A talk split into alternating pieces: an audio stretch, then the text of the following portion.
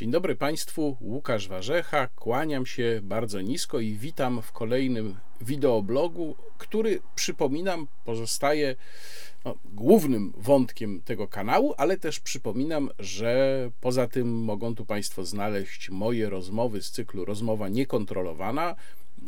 Polecam ostatnią z tych y, rozmów z tego cyklu, czyli rozmowę z panem wiceministrem klimatu i środowiska Jackiem Ozdobą, między innymi o e, zakazie rejestracji nowych aut spalinowych od 2035 roku, a także podwójny kontekst, czyli moje spotkania, moje rozmowy z Antonim Dudkiem, gdzie wspólnie e, komentujemy to, co się ważnego dzieje w polskiej i nie tylko polskiej polityce. Dziękuję wszystkim Państwu za obecność tutaj. Dziękuję, że Państwo subskrybują, że Państwo mm, klikają polubienia. No i przede wszystkim dziękuję wszystkim mecenasom, którzy kanał wspierają, czy to tutaj poprzez mechanizm Wesprzyj, czy to na zrzutka.pl. Link do zrzutki w opisie filmu, jak zwykle. I przypominam, że no, to wsparcie jest konieczne, bo bez niego mm, kanał by prawdopodobnie przestał działać. Więc bardzo Państwu dziękuję, a także przypominam o tym, że każde Państwa wyświetlenie, ale też każde Państwa polubienie i każdy komentarz są znaczące dla YouTube'a jako sygnał, że mm, dany film warto promować. To się potem bardzo odbija w wynikach każdego filmu. A teraz zaczynamy. Trudno by było nagrać ten wideoblog zaczynając od czego innego niż od wydarzenia, tragedii tak naprawdę, bo zginęło dwóch polskich obywateli w Przewodowie. I dobrze chyba się stało, że ja nagrywam ten wideoblog już dobrych kilka dni po tym, co się wydarzyło, bo to pozwala zobaczyć wydarzenia z pewnej perspektywy, choć można odnieść wrażenie, że sprawy toczyły się dosyć wartko i szybko do pewnego momentu, a potem nastąpiło swego rodzaju zahamowanie. I my jesteśmy teraz w tym momencie zahamowania, po którym nie wiem, czy coś jeszcze nastąpi. Mm, natomiast od razu zastrzegam, że ja nie będę się tutaj zajmował żadną analizą zdjęć z miejsca zdarzenia, hipotez, które się pojawiają na podstawie rzekomo tego, co tam na zdjęciach jest, czy jakichś oznaczeń na szczątkach tych rakiet.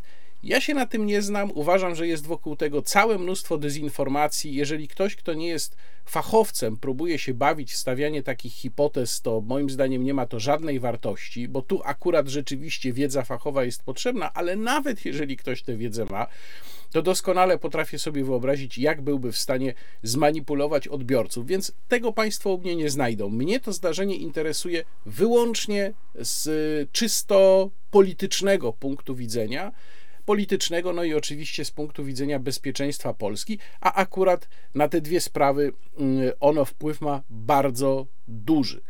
I na początek myślę, że warto sobie przypomnieć sekwencję wydarzeń w tych pierwszych kilkunastu godzinach, czy może powiedzmy mniej więcej w ciągu doby, dlatego że ta sekwencja wydarzeń miała duże znaczenie dla zrozumienia, co się wydarzyło, i również ma znaczenie dla postawienia pewnych hipotez wyjaśniających, co się tak naprawdę wydarzyło. A więc przede wszystkim do, tego, do tej tragedii, w której zginęło dwóch Polaków, doszło przed 16 we wtorek.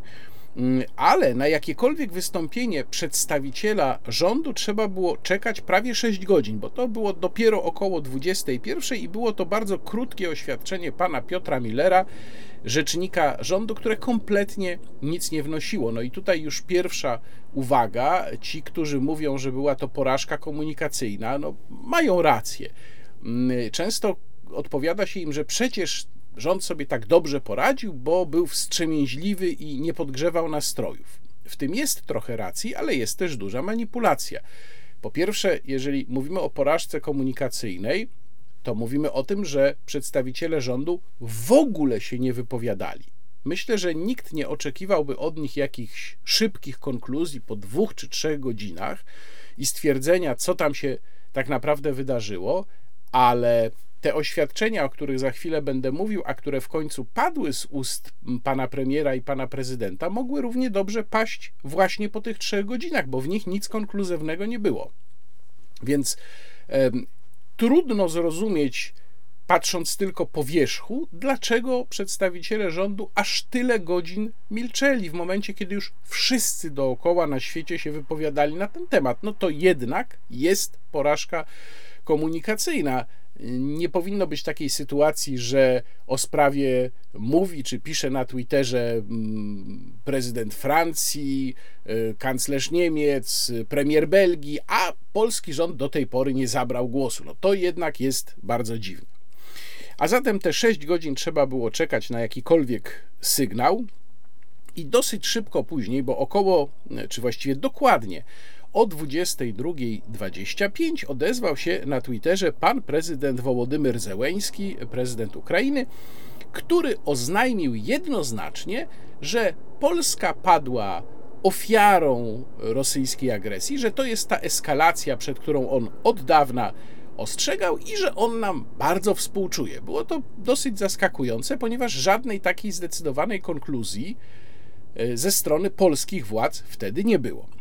Po 10 minutach mm, Dmytro Kuleba, czyli minister spraw zagranicznych Ukrainy, opublikował e, tweet, w którym oznajmił, że pojawia się e, rosyjska dezinformacja mówiąca o tym, że była to rakieta ukraińska i kto tę dezinformację powiela, to ten właściwie pracuje na rzecz Rosjan. No to bardzo ciekawa teza, pamiętajmy o niej.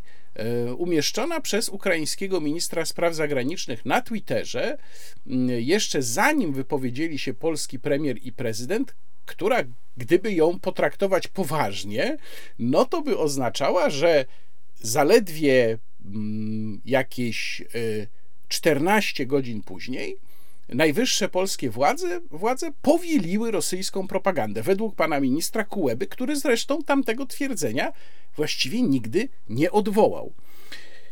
Y, potem pojawiło się oświadczenie polskiego MSZ, w którym była mowa o pocisku produkcji rosyjskiej. Dokładnie brzmiało to tak.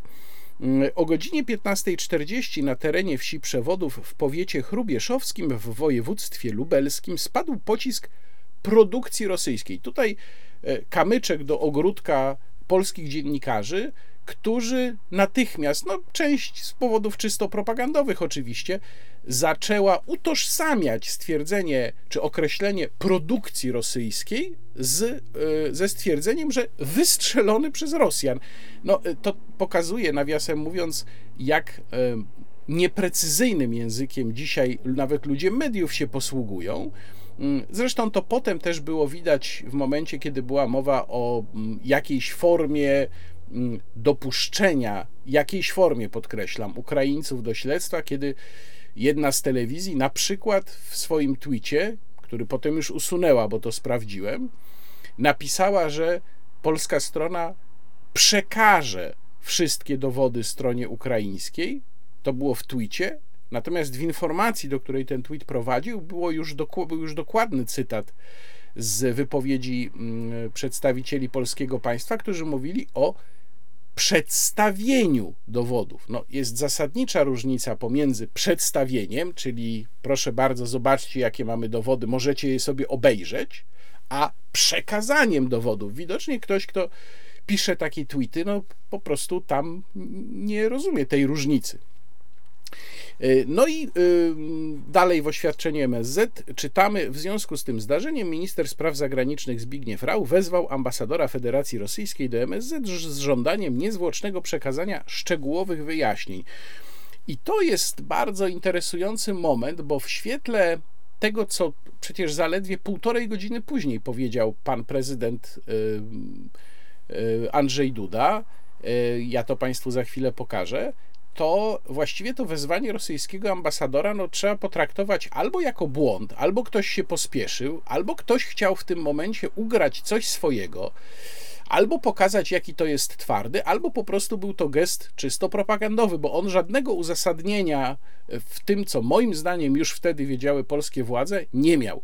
Zresztą informacje z tego spotkania były dosyć zabawne, bo główny, głównie podkreślano tam fakt, że pan minister Rau nie podał ręki panu ambasadorowi Federacji e, Rosyjskiej. No, e, rzeczywiście myślę, że po tym Putin się już nie pozbiera. I dalej. Około północy zabrali głos pan premier i pan prezydent. Oświadczenie y, Mateusza Morawieckiego było tak miałkie i tak kompletnie nic nie wnoszące.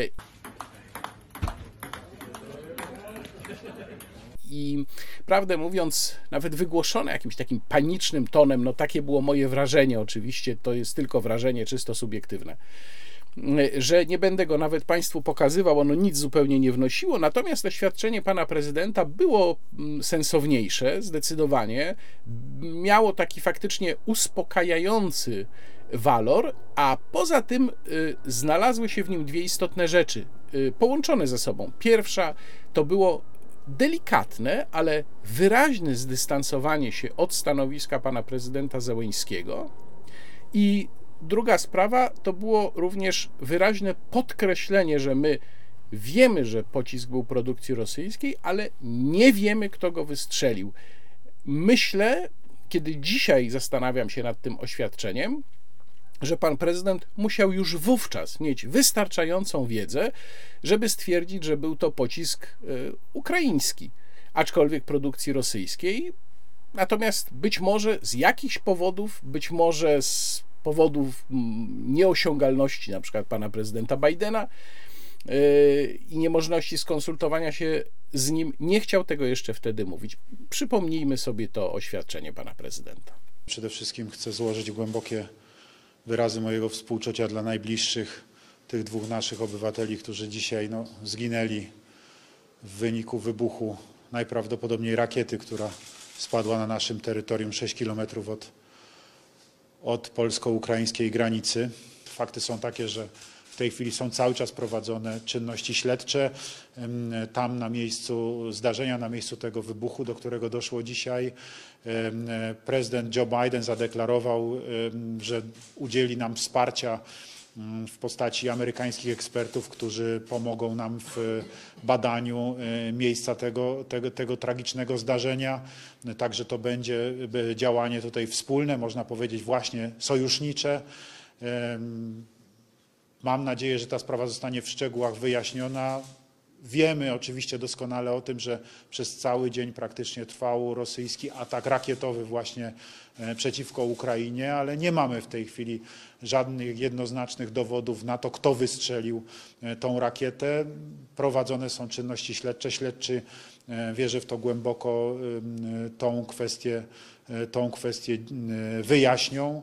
Mm, najprawdopodobniej była to rakieta produkcji rosyjskiej, ale to wszystko jest e, w tej chwili jeszcze w trakcie, e, w trakcie, e, w trakcie badania. Przede wszystkim chcę wszystkich zapewnić, absolutnie solennie, że działamy bardzo spokojnie, w sposób bardzo rozważny, nie są podejmowane żadne pochopne decyzje i proszę, żeby, żeby wszyscy e, byli spokojni. Dużo do nas dochodzi głosu między innymi od prezydenta Załęskiego na temat tej sytuacji. Chciałem zapytać, czy też jest Pan w stałym w kontakcie z władzami ukraińskimi i chciałem też zapytać, czy oczekiwane jest skorzystanie z pomocy też ekspertów zagranicznych tam na miejscu, żeby jak najlepiej przebadać. Jak Państwo przed momentem słyszeliście, rozmawiałem z przedstawicielami naszych no, największych sojuszników, tak, y, y, Stanów Zjednoczonych przede wszystkim, y, Wielkiej Brytanii, Republiki Federalnej Niemiec, no ale także sekretarzem generalnym NATO, ale oczywiście odbyłem też dzisiaj wieczorem rozmowę z panem prezydentem Wołodymirem Zełeńskim. Przyjąłem od niego kondolencje, jak również zapewniał mnie, że, że, że, że strona ukraińska jest przekonana mm, o tym, że była to rosyjska rakieta wystrzelona przez stronę rosyjską. Takie były zapewnienia ze strony pana prezydenta Zełeńskiego, ale powtarzam jeszcze raz, Czekamy na wynik pracy śledczych. E, nasi eksperci pracują w tej chwili na miejscu, są tam obecni prokuratorzy, są obecni eksperci wojskowi. Mamy jednoznaczną deklarację wsparcia e, ze strony amerykańskiej, którą złożył mi pan prezydent Joe Biden. Także jeżeli pan redaktor pyta, czy będą także zagraniczni eksperci, tak, pan prezydent Joe Biden zadeklarował, że dla wsparcia pracy naszych ekspertów skieruje także i ekspertów e, Stanów Zjednoczonych. Gdy po raz pierwszy na temat sytuacji zapytano pana prezydenta e, Joe'ego Bidena, przebywającego na Bali, pan prezydent bardzo krótko wtedy odpowiedział, że nie. Na pytanie, czy może skomentować wydarzenia w Polsce, powiedział nie i dalej już tematu nie rozwijał, ale mniej więcej o godzinie czwartej w nocy naszego czasu mm, pan prezydent Biden jednak już się wypowiedział i to była wypowiedź dosyć stanowcza. W której bardzo wyraźnie, właściwie można powiedzieć jednoznacznie pan prezydent Biden, choć tam z jakimś małym zastrzeżeniem, ale powiedzmy sobie szczerze, jeżeli się już wygłasza coś takiego publicznie, to to zastrzeżenie właściwie nie ma znaczenia. Stwierdził, że nie była to rakieta e, wystrzelona przez Rosjan. Więc no, to już było dosyć jednoznaczne postawienie sprawy, szczególnie, że w takiej sytuacji właściwie wskazywało to e, również jednoznacznie na Ukraińców. Mm, następnego dnia wystąpił pan prezydent wspólnie z panem premierem, no i tam już jednoznacznie zostało powiedziane, że e, była to rakieta ukraińska, czyli sprawa została w tym momencie zamknięta z naszego punktu widzenia, chociaż przecież nie zakończyło się śledztwo. Ale jeżeli y, najwyżsi przedstawiciele polskiego państwa tego typu oświadczenie składają, no to raczej należy założyć, że mm, zmiany tej opinii już nie będzie. Jeżeli się nie jest czegoś pewnym mm, lub nie jest się pewnym, że tak się chce powiedzieć na dany temat, to się po prostu tego nie mówi w takich sytuacjach. I tu ciekawa rzecz, bo od tego momentu, od momentu tego stwierdzenia, no, pojawiało się pytanie o jakąś reakcję ze strony ukraińskiej. Takim naturalnym oczekiwaniem byłoby, że mm, strona ukraińska za, ten, e, za tę sytuację przeprosi.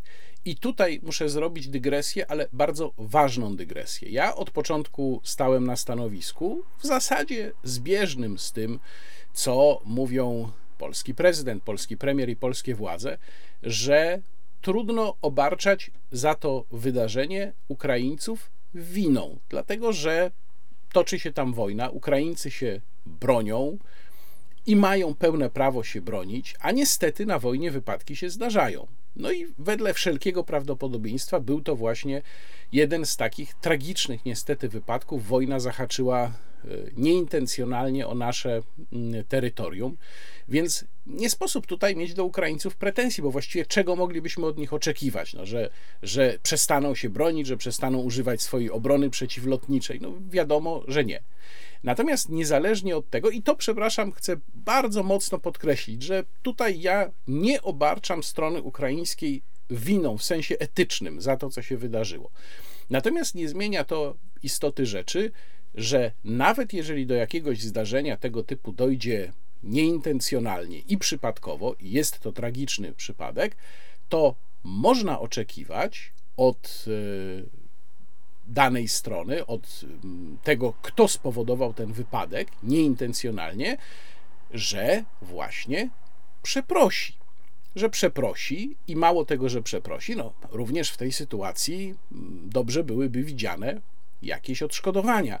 Przecież państwo ukraińskie od tego nie zbankrutuje, że wypłaci odszkodowania dwóm polskim rodzinom. Tymczasem do tej pory, a przecież e, mija już raz, dwa, trzy, cztery, piąty dzień w momencie, kiedy nagrywam ten wideoblog, nie ma żadnego takiego oświadczenia ze strony ukraińskiej. Tu wracam do kalendarium wydarzeń, które już mm, kończę, a mianowicie jedyną reakcją na te słowa już takie ostateczne, wygłoszone we środę pana prezydenta, było mm, oświadczenie E, szefa Rady Bezpieczeństwa Narodowego i Obrony Ukrainy, pana Oleksija Daniłowa, który się zaczął domagać, żeby rosyjscy eksperci zostali dopuszczeni do śledztwa w Polsce. Mm, czyli było to w zasadzie otwarte wyrażenie braku zaufania do ustaleń polskich i amerykańskich, co też bardzo warto w kontekście całej tej sprawy odnotować. Mm, podobnie jak warto odnotować, że ewidentnie pod naciskiem amerykańskim bardzo niechętnie pan prezydent Zełęński zaczął trochę modyfikować swój komunikat i od stwierdzenia, że to na pewno był pocisk rosyjski, przeszedł do stwierdzenia, że w zasadzie to nie wiadomo. Nikt nie wie, co się stało. I był to chyba tak pierwszy tak poważny rozdźwięk pomiędzy stroną ukraińską a stroną polską. Tu warto jeszcze zauważyć, e, że e, to żądanie dopuszczenia do śledztwa też zostało przez polskiego prezydenta potraktowane, powiedziałbym, chłodno, chociaż z taką, to, to wszystko jest takie bardzo, bardzo subtelne, raczej należy czytać między wierszami. Ale kiedy pan prezydent był w przewodowie i tam rozmawiał z dziennikarzami, to powiedział, że jest możliwe dopuszczenie do śledztwa na zasadzie obserwatora, ale trzeba tu bardzo wyraźnie odróżnić bycie obserwatorem, czyli ktoś, komuś się coś pokazuje, natomiast nie dopuszcza się do, go do żadnych czynności i do współprowadzenia śledztwa, do czynności nie, nie dopuszcza się go na zasadzie czynnej, na zasadzie uczestnika, jedynie na zasadzie obserwatora, a zupełnie czym innym jest włączenie Ukraińców do śledztwa i tego Ukraina się domaga. I tu muszę bardzo wyraźnie powiedzieć, że jestem tego zdecydowanym przeciwnikiem. Moim zdaniem nie ma żadnego uzasadnienia, żeby Ukraińców do tego śledztwa czynnie włączać. Obserwatorzy, proszę bardzo, nie mam z tym problemu. Natomiast włączenie ich czynnie do śledztwa, moim zdaniem, nie powinno wchodzić w grę, choćby dlatego, że prowadzą czynności w tej sprawie śledczy polscy i amerykańscy. Po co tu jeszcze śledczy, śledczy ukraińscy, szczególnie w kontekście tego pierwszego stanowiska Ukrainy, które moim zdaniem powinno wzbudzić w nas jednak pewną nieufność dodatkową w tej całej sytuacji. Więc y, jaka tu będzie decyzja, zobaczymy. No, pierwsze przynajmniej stanowisko polskich władz wydawało się rozsądne, czyli że pan prezydent to tak trochę zepchnął na prokuratora, że to jest, wymaga spełnienia wielu wymogów formalnych, oparcia się na międzynarodowych aktach prawnych, konwencjach, czyli raczej to było takie, no, rozumiemy was, ale nie. Czy ta y, decyzja zostanie zmodyfikowana, y, zobaczymy. Jeżeli chodzi o e, kwestię przeprosin ukraińskich, nie wiem, czy się tego doczekamy. E, niektórzy tutaj kompletnie odlecieli. Tu e, widzą Państwo tweet Tomasza Terlikowskiego, który stwierdził, że jeśli ktoś mówi o przeprosinach ze strony ukraińskiej, to w zasadzie jest agentem, ale Tomasz Terlikowski odleciał już kompletnie, więc ja to pokazuję Państwu tylko na zasadzie pewnej ciekawostki. Natomiast warto też zauważyć, y, jakie było nastawienie niektórych rejonów ukraińskiego internetu.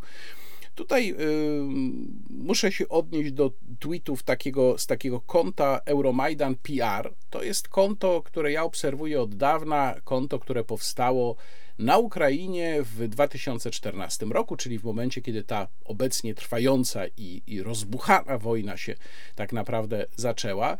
Mam w zasadzie pewność, obserwując to konto od lat, że nie jest to żadne konto trollowe. Obserwuje je ponad 100 tysięcy osób. Oni się przedstawiają jako obywatelskie ukraińskie e, medium, bardzo konsekwentnie promują e, mocno ukraińską narrację. No, trudno mi sobie wyobrazić, żeby nagle to się okazało kontem e, trollowym. Natomiast na tym koncie zaczęły się pojawiać we środę, we środę przed południem naszego czasu, tweety naprawdę zadziwiające. Mm, na przykład taki, który tutaj Państwo widzą. Polska dziś wybiera między wstydem albo wojną, ale nawet jeżeli wybiorą wstyd, wojna z pewnością zapuka do ich drzwi. Tego dowiodła historia. Polska może wygrać wyłącznie walcząc wspólnie z Ukrainą przeciwko Rosji. Wszystkie inne opcje skończą się w zniszczeniu Polski. No, y ja nawet nie za bardzo wiem, jak to skomentować, wziąwszy pod uwagę, że jest to w zasadzie takie, powiedziałbym, półoficjalne ukraińskie konto twitterowe, e, w którym no, tutaj w tych wpisach intencja popchnięcia, nie wiem, zawstydzenia Polaków, popchnięcia ich do wojny jest zupełnie jasna. Dalej mamy taki zadziwiający tweet z tego samego konta.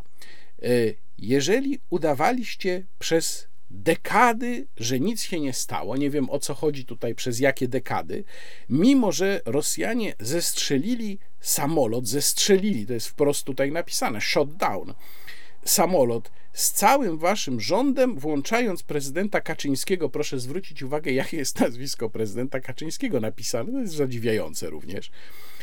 Y, w takim wypadku oczywiście Polska może nie mieć odwagi, żeby uczciwie włączyć się do III wojny światowej, y, y, pociągając za sobą NATO.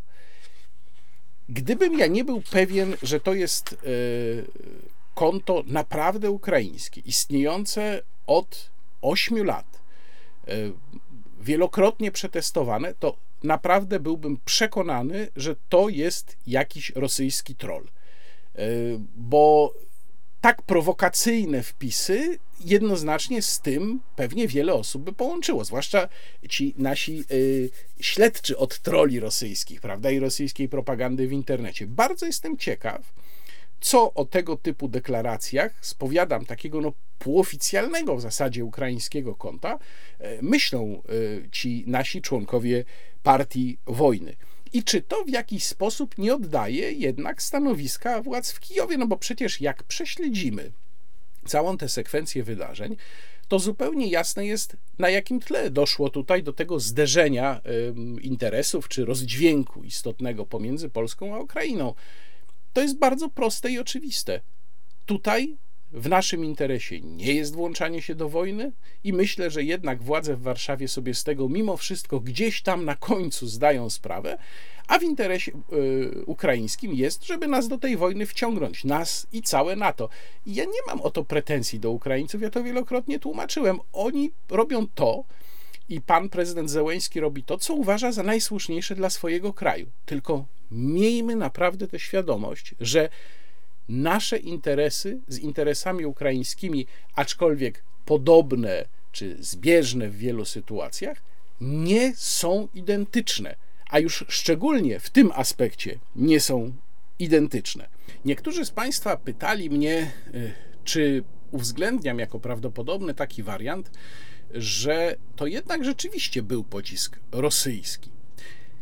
Powiem tak, wiedzy żadnej zakulisowej na ten temat nie mam. Patrzę tylko na to, co się działo i patrzę przede wszystkim na skutki tego działania. Myślę, że myśląc o tym wydarzeniu, należy właśnie wyjść od tego ostatniego skutku, ostatniego rezultatu, którym jest zaklepanie wersji, że to był pocisk ukraiński. I ja zresztą uważam tę wersję za bardzo prawdopodobną, właściwie najbardziej prawdopodobną, powiedziałbym 90% ale jednak gdzieś tam jeszcze dopuszczam taką możliwość, że był to mimo wszystko pocisk rosyjski, choć raczej bym zakładał, że nieintencjonalnie też znalazłby się na polskim terytorium, to znaczy, że Polska nie była e, celem Rosji, jeżeli, powtarzam, jeżeli zachodzi ten bardzo mało prawdopodobny przypadek, że to był pocisk rosyjski, ale zapadła polityczna decyzja w Waszyngtonie,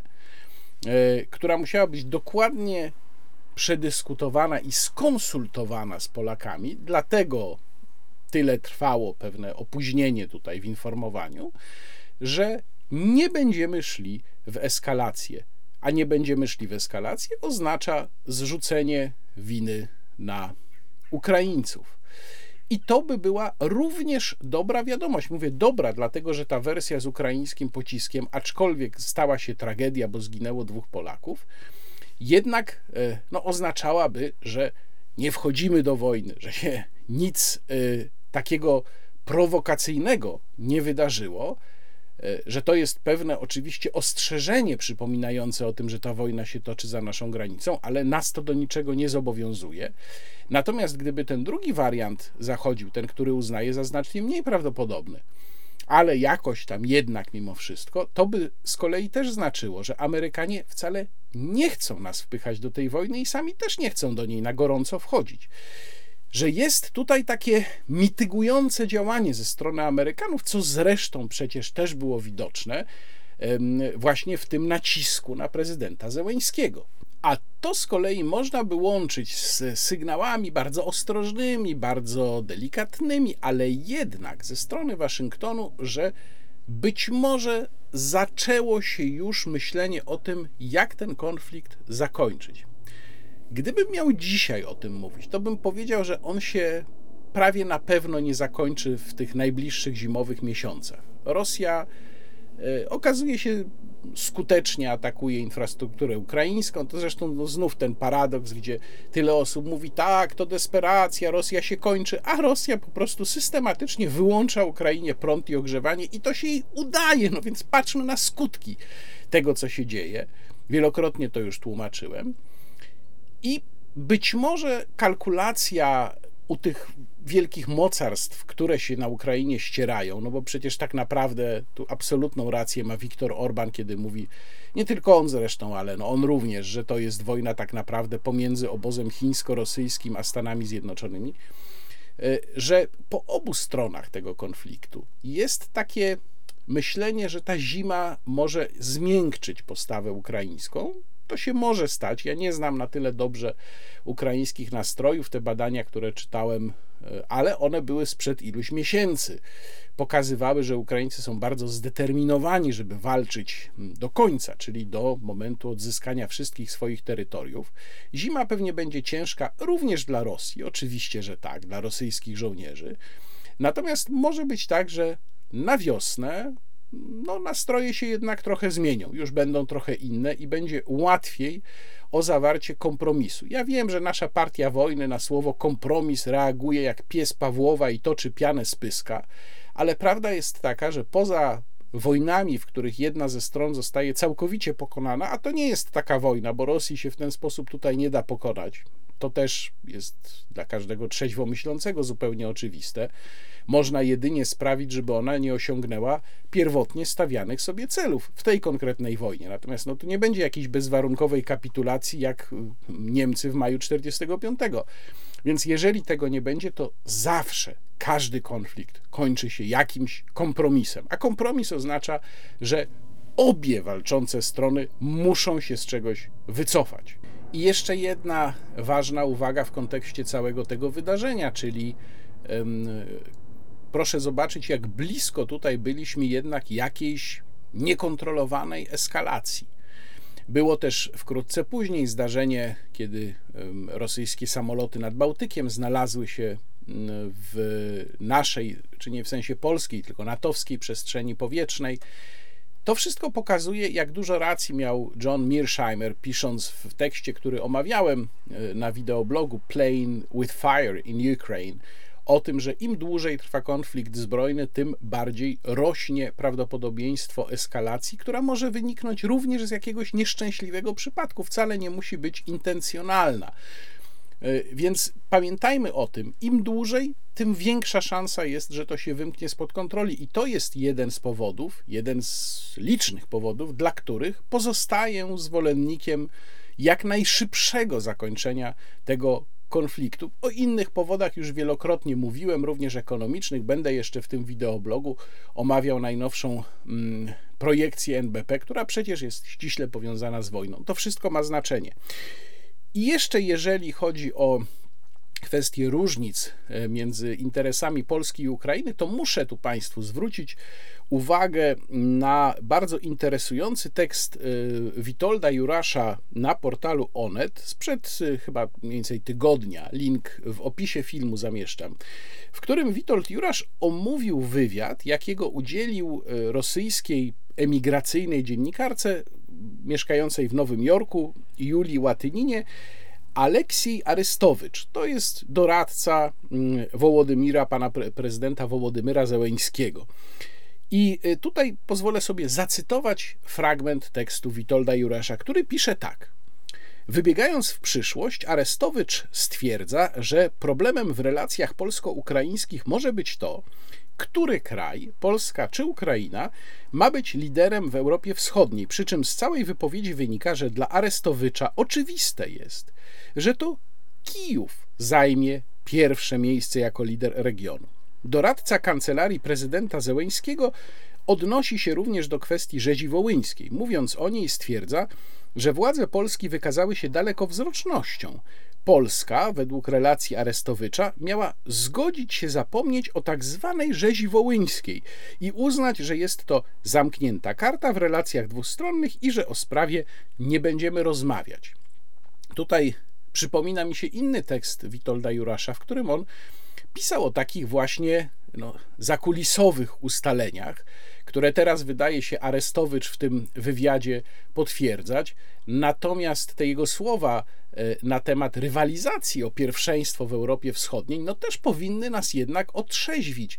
Naprawdę nasze interesy, jeżeli chodzi o Rosję, o to, żeby ją odepchnąć, one tak, tutaj są zbieżne z interesami ukraińskimi. W pełni się z tym zgadzam.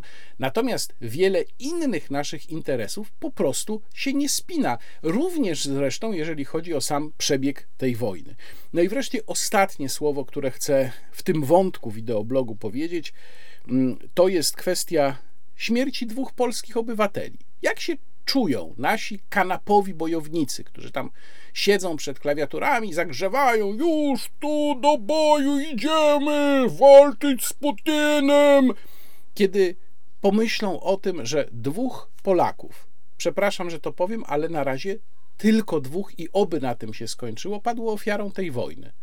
Czy zdają sobie sprawę z tego, że takich śmierci byłyby dziesiątki, setki, tysiące, nawet dziesiątki tysięcy, gdyby to Polska weszła do tej wojny? Czy wy to rozumiecie? Czy nadal bezmyślnie będziecie mówić o tym, jak to wspaniale by było, gdyby Polska wspólnie z Ukrainą biła ruskiego? Zastanówcie się nad tym. W drugim wątku chcę Państwu opowiedzieć o pewnym bardzo ciekawym wywiadzie, ale zanim przejdę do samego wywiadu, to y, parę słów na temat wpływu potencjalnego, hipotetycznego wpływu tej sytuacji z przewodowa na nastroje w Polsce. Y, kiedy stało się dla mnie jasne, że pan prezydent Zełęński idzie w zaparte, no a dzisiaj jest właściwie jasne, że żadnej tutaj skruchy za, podkreślam, winę nieintencjonalną, no ale jednak za winę y, nie będzie, chyba raczej nie będzie, to zacząłem się zastanawiać, jaki to może mieć wpływ na nastroje wobec Ukrainy i Ukraińców w Polsce. Bo tu też warto zauważyć, że kiedy słucha się przedstawicieli polskich władz, to można odnieść wrażenie, że oni no wręcz skrajnie nachalnie narzucają ten przekaz, że to wszystko jest winą Rosji, mają rację, ja z tym nie dyskutuję, ale nachalność tego przekazu przy całkowitym pominięciu kwestii właśnie przeprosin czy zadość uczynienia przez Ukrainę, bo proszę zauważyć, że na ten temat się nie zająknął żaden polityk z obozu rządzącego, ani też zresztą z głównej, yy, najważniejszej partii opozycyjnej, że to wszystko no, jest takim ratowaniem Ukraińców na siłę, jeżeli chodzi o polską opinię publiczną, że polskie władze wręcz za uszy tych Ukraińców ciągną, no słuchajcie, bo tutaj za chwilę będzie problem z nastrojami w Polsce, a Ukraińcy nie, nie przeprosimy. Mówię o tym dlatego, że ja nie mam złudzeń co do nastrojów większości polskiego społeczeństwa i wiem, że większość polskiego społeczeństwa nadal prawdopodobnie jest zapisana do partii wojny. Niestety, no ale tak po prostu jest. Ale już widać w badaniach wyraźny rozdźwięk, właściwie już to jest tutaj złe określenie, bo to widać już od y, dobrych paru miesięcy. Jeżeli chodzi o nastawienie wobec Rosji, a jeżeli chodzi o nastawienie wobec Ukraińców w Polsce. I jeżeli ta sytuacja na coś może wpłynąć, to mam wrażenie, że ona w mniejszym stopniu może wpłynąć na samo myślenie o tej wojnie, o tym, czy pomagać Ukrainie i tak dalej. Natomiast może rzeczywiście wpłynąć na to, co Polacy myślą, co sądzą o pobycie ukraińskich uchodźców w Polsce. I tu przechodzę wreszcie do wywiadu, o którym chcę Państwu powiedzieć. To jest wywiad na portalu gazeta.pl i proszę się nie zrażać od razu, bo naprawdę na gazeta.pl czasem, rzadko, ale zdarzają się też jakieś ciekawe rzeczy, a szczególnie jeżeli chodzi o wywiady Grzegorza Sroczyńskiego, czyli tego z dziennikarzy związanych z Gazetą Wyborczą, z niewielu takich dziennikarzy, których ja szanuję, bo Grzegorz Sroczyński robi te swoje rozmowy pod hasłem Wywiady Sroczyńskiego, czy pod wspólnym tytułem cyklu Wywiady Sroczyńskiego. Robi je naprawdę dobrze i robi te rozmowy bardzo ciekawe. I tym razem jest to wywiad z Przemysławem Sadurą, który jest kuratorem e, Instytutu Krytyki Politycznej, ale znów Miejmy otwarty umysł. Krytyka polityczna, jeżeli chodzi o badania socjologiczne, robi rzeczywiście ciekawe rzeczy. Ja tylko przypomnę, że taki słynny raport z miastka pod takim hasłem ten, ten, to badanie się ukazało z 2000 bodajże 18 roku y, było właśnie zrobione przez krytykę polityczną, a konkretnie było zrobione pod kierunkiem doktora Macieja Gduli czyli obecnie posła lewicy, i to było badanie, które no, zupełnie rozbijało stereotypy, takie pogardliwe stereotypy w myśleniu o elektoracie PiS. Więc no, świat nie jest czarno-biały. Czasem warto zajrzeć również do krytyki politycznej, choć rzadko, ale warto. Czasami ja wiem, że tłumaczę to E, pewnie większość z moich widzów też ma takie podejście, ale może nie wszyscy, dlatego tłumaczę, czemu po ten wywiad sięgam. Otóż mm, właśnie taki zespół złożony z pana Przemysława Sadury, który jest y, nawiasem mówiąc socjologiem z Uniwersytetu Warszawskiego, mm, opiera się y, ten wywiad, czy pretekstem do niego było mm, opublikowanie badania, do którego link również zamieszczam w opisie filmu. Badania Polacy za Ukrainą, ale przeciw Ukraińcom. W tym wywiadzie są dwa główne wątki. Jeden wątek, o którym tutaj nie będę Państwu mówił, to jest kwestia nastrojów klasy średniej w Polsce, bardzo ciekawie opisywanych właśnie przez pana Sadurę, ale tu mogę Państwa odesłać do tekstu E, który napisałem dopiero co na forum polskiej gospodarki. Tam się do tej sprawy e, odniosłem. Zresztą link do wywiadu, chociaż on jest chyba za paywallem, ale link do wywiadu zamieszczam też w opisie filmu. Tam Państwo mogą o tym wątku e, również przeczytać. Natomiast ja bym chciał powiedzieć o innym wątku, mianowicie o wątku ukraińskim, bo badanie, o którym wspomniałem i które jest pretekstem do tego wywiadu, odnosi się właśnie do Ukraińców i tutaj pan Sadura mówi rzeczy, no, bardzo, bardzo ciekawe. Te dwa wątki, zresztą klasa średnia i Ukraińcy się ze sobą yy, łączą. Pozwolę sobie tutaj zacytować obszerne fragmenty tego wywiadu. Mówi Sadura tak. Klasę średnią i klasę ludową, ja przepraszam za to określenie, ono jest dziwaczne, takie jakby z lekka marksistowskie, no ale takiego używa pan Sadura. A więc klasę średnią i klasę ludową mocno połączyła obawa, że jacyś inni odbiorą im miejsce w kolejce do lekarza, żłobka, przedszkola. Jacyś inni? Pyta Grzegorz Sroczyński. No, mówiąc wprost, Ukraińcy, mówi Przemysław Sadura. I dalej. Narasta takie przekonanie, to mocno w badaniach wyszło, że polski obywatel w pierwszej kolejności powinien zostać obsłużony. Jesteśmy całym sercem za Ukrainą, rozumiemy trudną sytuację, nienawidzimy Putina i tak dalej. No ale idzie zima, szaleje inflacja, więc niech ci Ukraińcy jednak tak dużo nie dostaną. Nieważne, czy na fokusach rozmawialiśmy z nauczycielkami z małego czy dużego miasta, urzędnikami, rolniczkami, ludzie tak samo spontanicznie o tym mówili. E, to jest reakcja i sytuacja, przed którą ja przestrzegałem przecież miesiące temu. Mówiłem, że taka frustracja zacznie się pojawiać i że jej źródłem będzie obdarzenie ukraińskich uchodźców wszystkimi przywilejami socjalnymi, które przysługują Polakom, czego powtarzam, nie musieliśmy robić. To była suwerenna, absolutnie decyzja polskiego państwa, nikt tego od nas nie wymagał. No ale tak zrobiliśmy i teraz mamy tego skutki. Ja zresztą sądzę, y, to w wywiadzie jeszcze dalej no, są podstawy do takiej opinii, że rząd ma najprawdopodobniej swoje badania, i to są badania, y, które pokazują zjazd tej gotowości do pomagania, i sam się rząd w to wpakował. I stąd zresztą ten przekaz mm, proukraiński staje się coraz bardziej nachalny, no właśnie, żeby jakoś wyrównać te nastroje. Dalej mamy taki ciekawy w tym wywiadzie wątek czegoś, co mm, nazywa pan Sadura mm, opowieściami chwastami i co ma być wykorzystywane właśnie po to, żeby wzbudzać antyukraińskie nastroje. Chodzi o takie opowieści, tłumaczy socjolog, które funkcjonują jak plotka, ale jednak różnią się od tradycyjnej plotki tym, że zostały wzięte z mediów społecznościowych. Klasa ludowa nie ma za grosz zaufania do mediów mainstreamowych, na przykład wyborcy PiS uważają, że z głównych mediów nie dowiedzą się jak jest. Ale zaraz, pyta Sroczyński, z TVP Info też się nie dowiedzą? Absolutnie. Oni tak samo wiedzą, że pisowskie media naciągają rzeczywistość. To jest grupa, która ma najbardziej zdywersyfikowane źródła informacji. Wyborcy PiS pokazały to nasze poprzednie badania. Nawet jeśli propaganda TVP im się podoba, to jednocześnie uważają, że informacji trzeba szukać gdzie indziej. I dalej o tych opowieściach chwastach. Tego typu treści były celowo wpuszczane do sieci przez rosyjskie trole i doskonale trafiały w nasze nasilone lęki. Brak wiary w państwo oraz strach przed wypchnięciem z kolejki. A dopuszczasz możliwość, pyta Sroczyński, że te historie się naprawdę wydarzyły? Oni tam wcześniej w wywiadzie podają konkretne przykłady, z których taki najbardziej klasyczny to jest, że Ukrainka przyszła do fryzjera i już po wszystkim powiedziała, że nie zapłaci, bo jej się wszystko za darmo należy.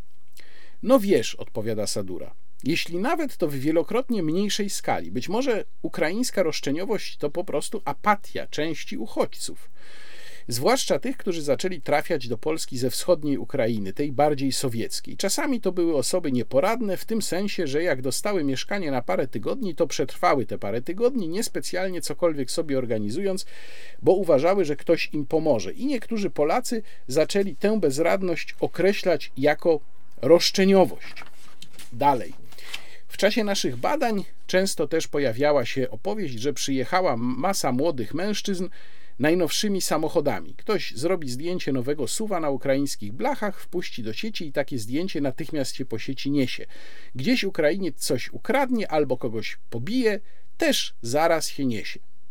Z kolei media głównego nurtu zauważa przytomnie Sroczyński, nigdy nie napiszą, że to był Ukrainiec, żeby nie wywoływać antyukraińskich nastrojów.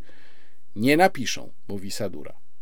Podczas kryzysu uchodźczego w Niemczech, mówi znów Sroczyński, w latach 2015-16 media też wycinały takie niewygodne historie. Tak, w dobrej wierze, mówi Sadura. A potem, mówi dalej Stroczyński, niechęć wybuchła, a antyimigrancka AfD w Saksonii miała 25% głosów. Myślę, że warto się tutaj przez chwilę nad tym wątkiem zatrzymać. Pierwsza sprawa to fakt, że rzeczywiście różnego rodzaju fałszywki się plenią i trzeba uważać, trzeba starać się je weryfikować. Sam ostatnio na taką trafiłem, kiedy ktoś mnie zapytał o zdjęcie, na którym był e, znany Państwu pewnie Jakub Wiech, pseudonim Hałabała, z jakąś panią i tam była mowa o tym, że ta, ta pani to jest ukraińska nauczycielka, jakieś tam było podane imię i nazwisko, która dostała właśnie posadę jako wiceprezes spółki, która ma nadzorować budowę elektrowni jądrowych w Polsce za 18 tysięcy złotych miesięcznie. E, no, widziałem, że tam mnóstwo osób już się pod tym tweetem powpisywało. E, spółka, która ma budować elektrownie jądrowe w Polsce, mówiłem o tym w wideoblogu poprzednim bodajże, tam gdzie omawiałem kwestię budowy elektrowni jądrowych, to spółka Polskie, Polskie Elektrownie Jądrowe. Jako żywo żaden z jej wiceprezesów nawet nie jest kobietą, nie mówiąc o tym, żeby był ukraińską kobietą i w dodatku nauczycielką.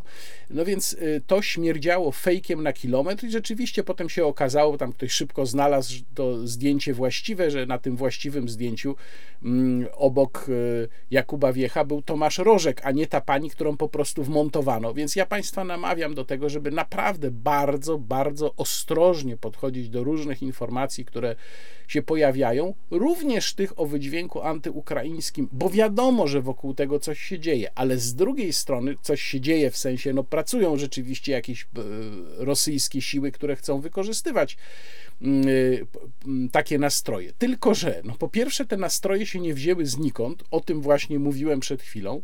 Po drugie, w ostrzeżeniach, swoich ostrzeżeniach na temat y, fałszywek, y, nasza władza, w tym przoduje na przykład Stanisław Żaryn, czyli rzecznik y, ministra koordynatora do spraw służb specjalnych, pana ministra Kamińskiego, idzie o wiele za daleko, obejmując już tymi ostrzeżeniami to, co jest normalną dyskusją na temat skutków pomagania Ukrainie, skutków dla Polski w sensie kosztów, obecności Ukraińców tutaj.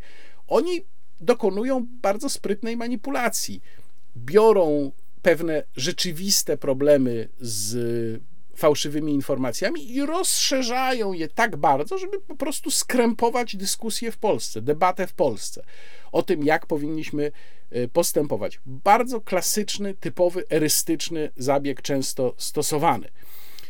Ale jest tu jeszcze jedna kwestia, to znaczy, czy te historie, o których mówi Sroczyński, o których mówi Sadura w tym wywiadzie, czy one się naprawdę nie zdarzają? No, Sadura twierdzi, że to nie jest istotne. Ja bym powiedział tak, to nie jest istotne, o ile byśmy mieli pewność, jaka jest skala tych historii. Jeżeli ona jest duża, to znaczy, że jakiś problem jest. I prawdę mówiąc, mało mnie przekonuje to tłumaczenie Sadury, że to jest kwestia nieporadności, która jest mylona z roszczeniowością. No, to jest trochę jednak próba dorabiania teorii do praktyki.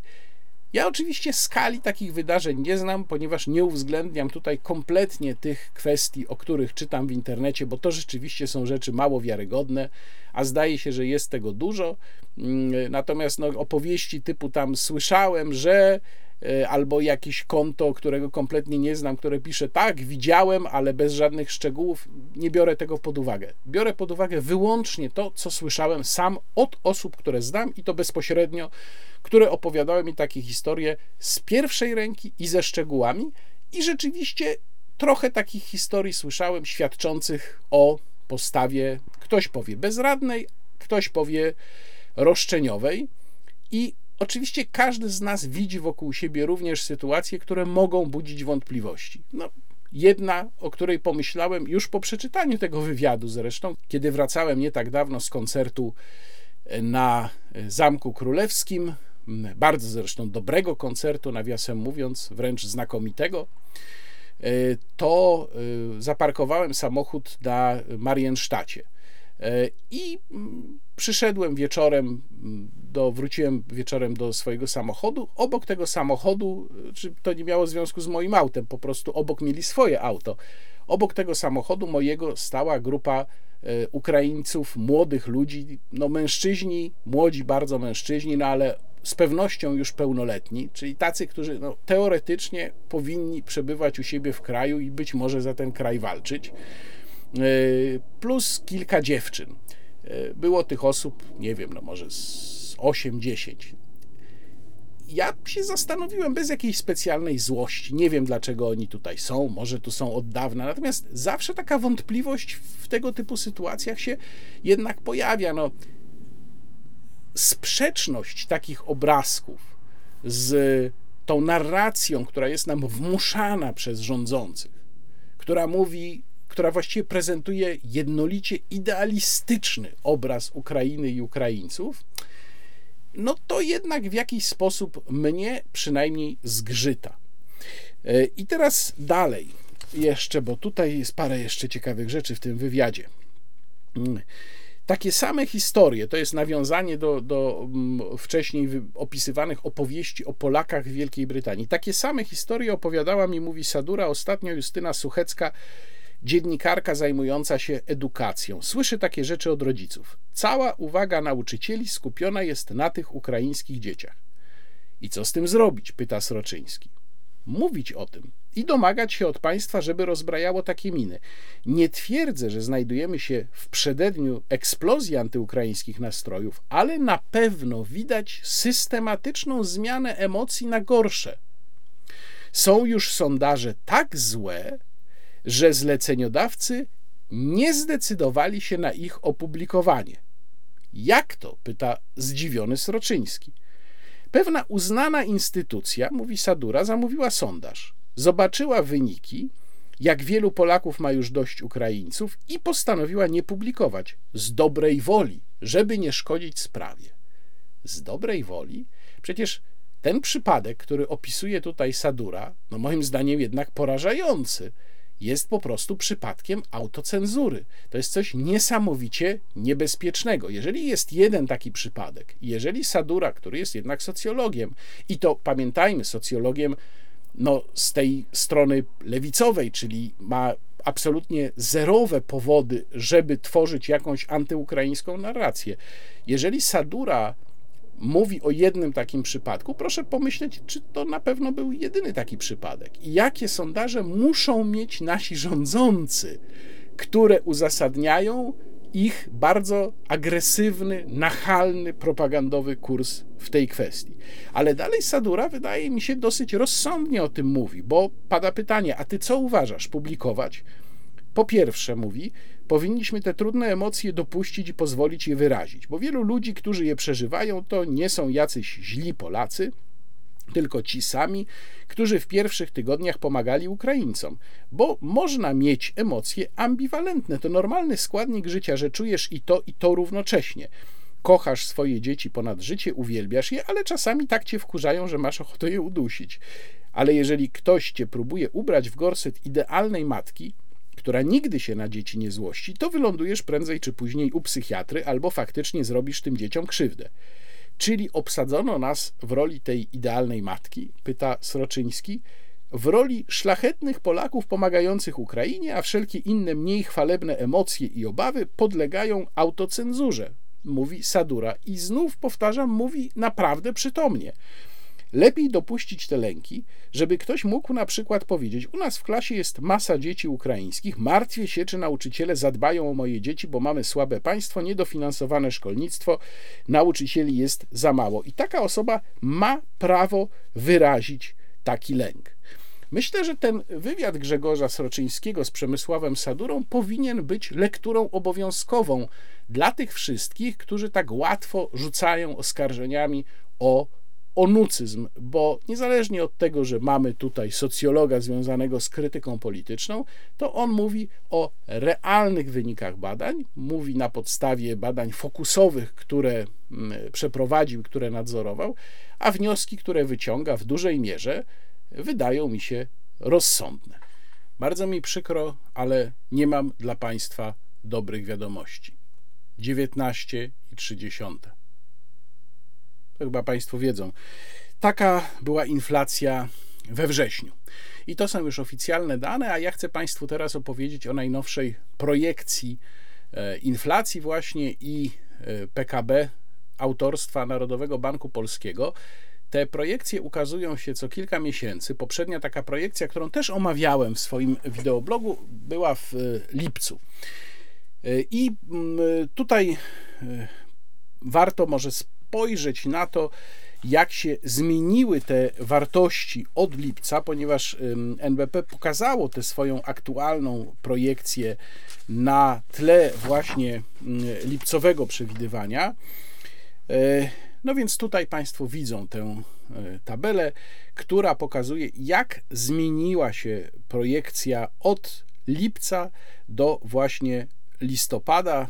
Widać te różnice dosyć wyraźnie, czyli e, jeżeli chodzi o przyszły rok, mamy spadek przewidywanego, mówimy tu o głównym, centralnym przewidywaniu, tym najbardziej prawdopodobnym, spadek przewidywanego wzrostu PKB średniorocznie. O dokładnie połowę, było 1,4, ma być 0,7 jeżeli chodzi o 2024 rok, różnica jest mniejsza, ale wciąż jest wyraźna. Jeżeli chodzi o przewidywaną inflację, to też w lipcu jeszcze średnioroczna inflacja w przyszłym roku miała wynosić 12,3, takie było przewidywanie, teraz już 13,1.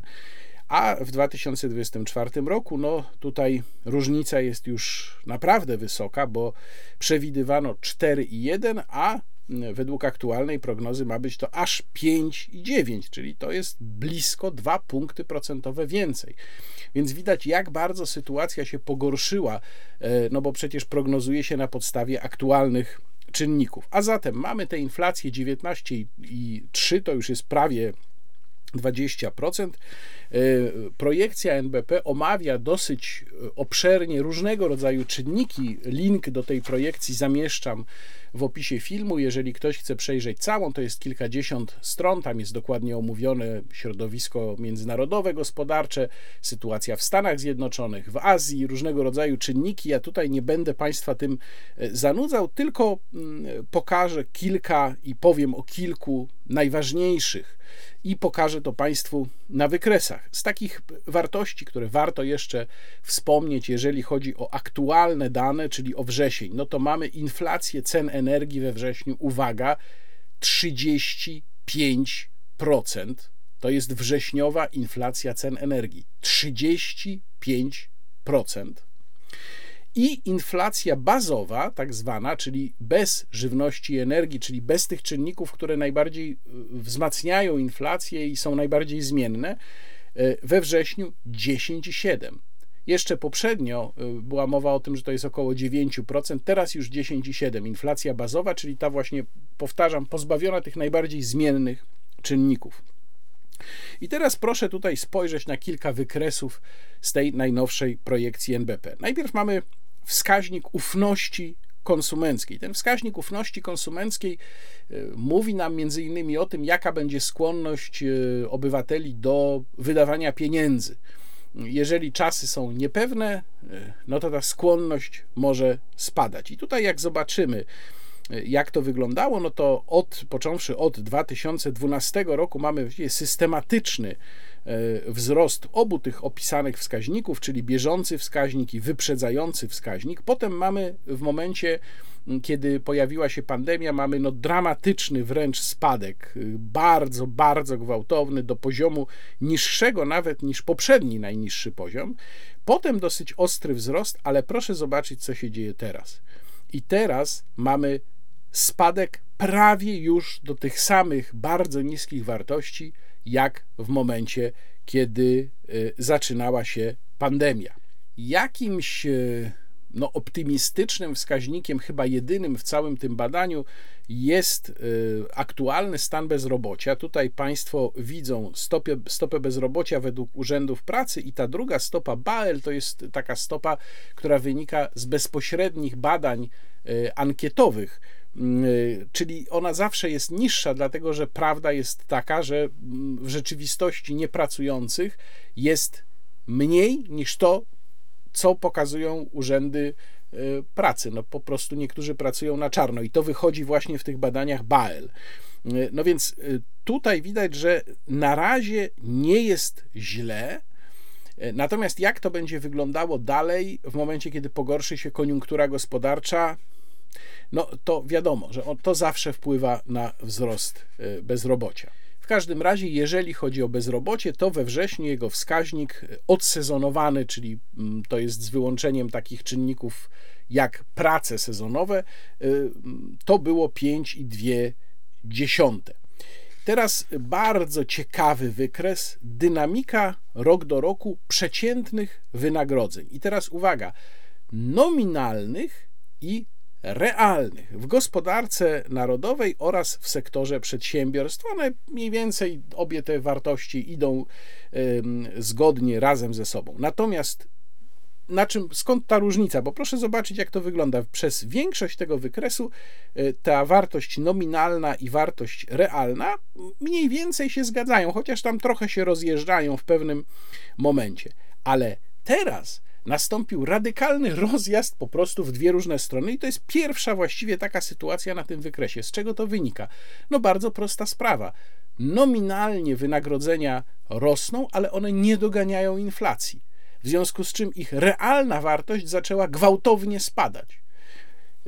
I jak mówię, no to jest pierwsza taka sytuacja, przynajmniej w okresie, który ten wykres obejmuje, czyli w okresie 10 lat od 2012 roku, żeby te dwie wartości, realna i nominalna wartość wynagrodzeń, tak radykalnie zaczęły się rozjeżdżać w dwie kompletnie różne strony. Kolejny interesujący wykres pokazuje rentowność polskich obligacji skarbowych dwuletnich, pięcioletnich i dziesięcioletnich. Znów na ogół to oczywiście idzie ze sobą jakoś tam w parze, przy czym dziesięcioletnie e, mają zwykle rentowność najwyższą. Natomiast proszę zobaczyć, jak radykalnie wystrzeliła w górę ta rentowność. Rentowność, czyli mówiąc prościej, procent, jaki musimy zapłacić kupującym nasze obligacje im bardziej ryzykowna sytuacja danej gospodarki, im dla kupujących obligacje potencjalnych kupców wyższe ryzyko, tak jak oni je szacują, tym oczywiście trzeba dać im większy procent na tych obligacjach. Nie ma w tym nic dziwnego, natomiast warto zwrócić uwagę, że znów w tym w perspektywie dziesięcioletniej, takiej jaką obejmuje ten wykres, obecne poziomy rentowności obligacji są bezprecedensowe. No i wreszcie przechodzimy do projekcji produktu, wzrostu produktu krajowego Brutto e, ta część ciemna na wykresie to jest właśnie już projekcja, czyli przewidywanie.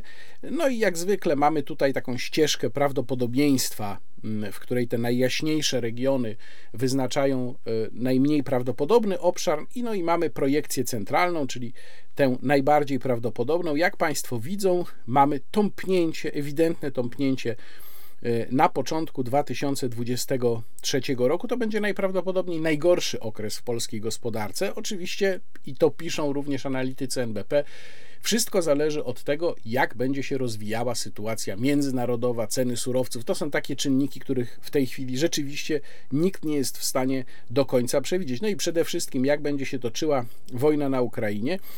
A więc jak Państwo spojrzą właśnie na wykres PKB rok do roku, no to widać, że bardzo słabe jest to odbicie, które ma nas czekać w perspektywie tej projekcji, czyli mm, do końca 2025 roku właściwie takiego poważnego odbicia, perspektywy na poważne odbicie, jeżeli chodzi o wzrost PKB nie ma. No i teraz pokazuję Państwu wykres inflacji CPI, czyli Consumer Price Index inflacja konsumencka. E, ważne, że to nie jest ta inflacja bazowa, czyli tutaj w tej inflacji mamy już włączone i ceny energii, i ceny produktów spożywczych, ceny żywności. No i to jest rok do roku, no i co tu widzimy? Że znów w przewidywaniu analityków przesunął nam się mm, szczyt inflacji. Tym razem na początek 2023 roku. Warto zwrócić uwagę, że w, w jednej ze ścieżek, to znaczy w tej najbardziej mm, już skrajnej ścieżce, to nawet ma być pod 24 no ale nawet ta ścieżka centralna nie jest specjalnie optymistyczna i do samego właściwie końca projekcji inflacja nie powróci do granic celu inflacyjnego, czyli do końca 2025 roku. A przypomnę, że jeszcze nie tak dawno i pan prezes Glapiński, i pan prezes Kaczyński, i pan premier Morawiecki mówili: Nie, tam inflacja będzie miała szczyt w wakacje tego roku. No to właśnie widzimy, jak to wygląda. Warto tu też przypomnieć, że na inflację będzie e, miało wpływ odejście od tarczy antyinflacyjnej. No i tutaj parę słów muszę na ten temat powiedzieć. Tarcza antyinflacyjna była jednym z niewielu dobrych rozwiązań tego rządu mm, w dowolnych właściwie dziedzinach dobrych, dlatego że ona zostawiała więcej pieniędzy w kieszeniach podatników. I jeżeli ja dzisiaj słyszę, że no tarcza antyinflacyjna kosztowała budżet tyle i tyle, to prawdę mówiąc, krew się we mnie gotuje, ponieważ budżet to nie jest firma, która działa dla własnego zysku, żeby miał ponosić koszty. Jeżeli zostawia się pieniądze w kieszeniach podatników, to jest to korzyść dla podatnika, a nie jakiś tam koszt dla budżetu. Po prostu państwo ludziom mniej zabiera. To nie państwo ponosi koszt. Więc takie uzasadnienie, czy w ogóle taki sposób myślenia, e, charakterystyczny właściwie dla wszystkich głównonurtowych ekonomistów, jest zwyczajnie chory, bo on fetyszyzuje budżet państwa. Natomiast tłumaczenie decyzji o wycofaniu tarczy antyinflacyjnej e, wraz z początkiem przyszłego roku tłumaczenie tego naciskiem Komisji Europejskiej też jest pełne hipokryzji. No bo co, nagle Komisja Europejska jest tak ważna i tak jej słuchamy, że musimy zlikwidować tarczę antyinflacyjną. A przecież na początku, kiedy pan premier ogłaszał wprowadzenie tych rozwiązań, to od razu mówił, że to jest coś, co się Unii Europejskiej nie podoba, ale my i tak to wprowadzimy, bo polscy obywatele są najważniejsi. No to jak to jest, panie premierze? Są czy nie są w końcu? Oczywiście Wiemy, dlaczego to się dzieje. Dzieje się to dlatego, że sytuacja jest podbramkowa. I zresztą stąd będą wynikały y, ruchy, o których jeszcze Państwu w tym wideoblogu powiem, ruchy związane z mm, KPO, z próbą uzyskania pieniędzy z y, KPO. No i wreszcie y, parę słów jeszcze na temat prognoz, czyli tutaj mm, patrzę na koniec mm, projekcji NBP. E, no i wygląda to tak, jak już mówiłem, szczyt inflacji według tej projekcji ma przypaść w pierwszym kwartale 2023 roku i to jest przewidywanie 19,6. Wydaje mi się, że spokojnie może to być więcej, może to e, przebić 20%.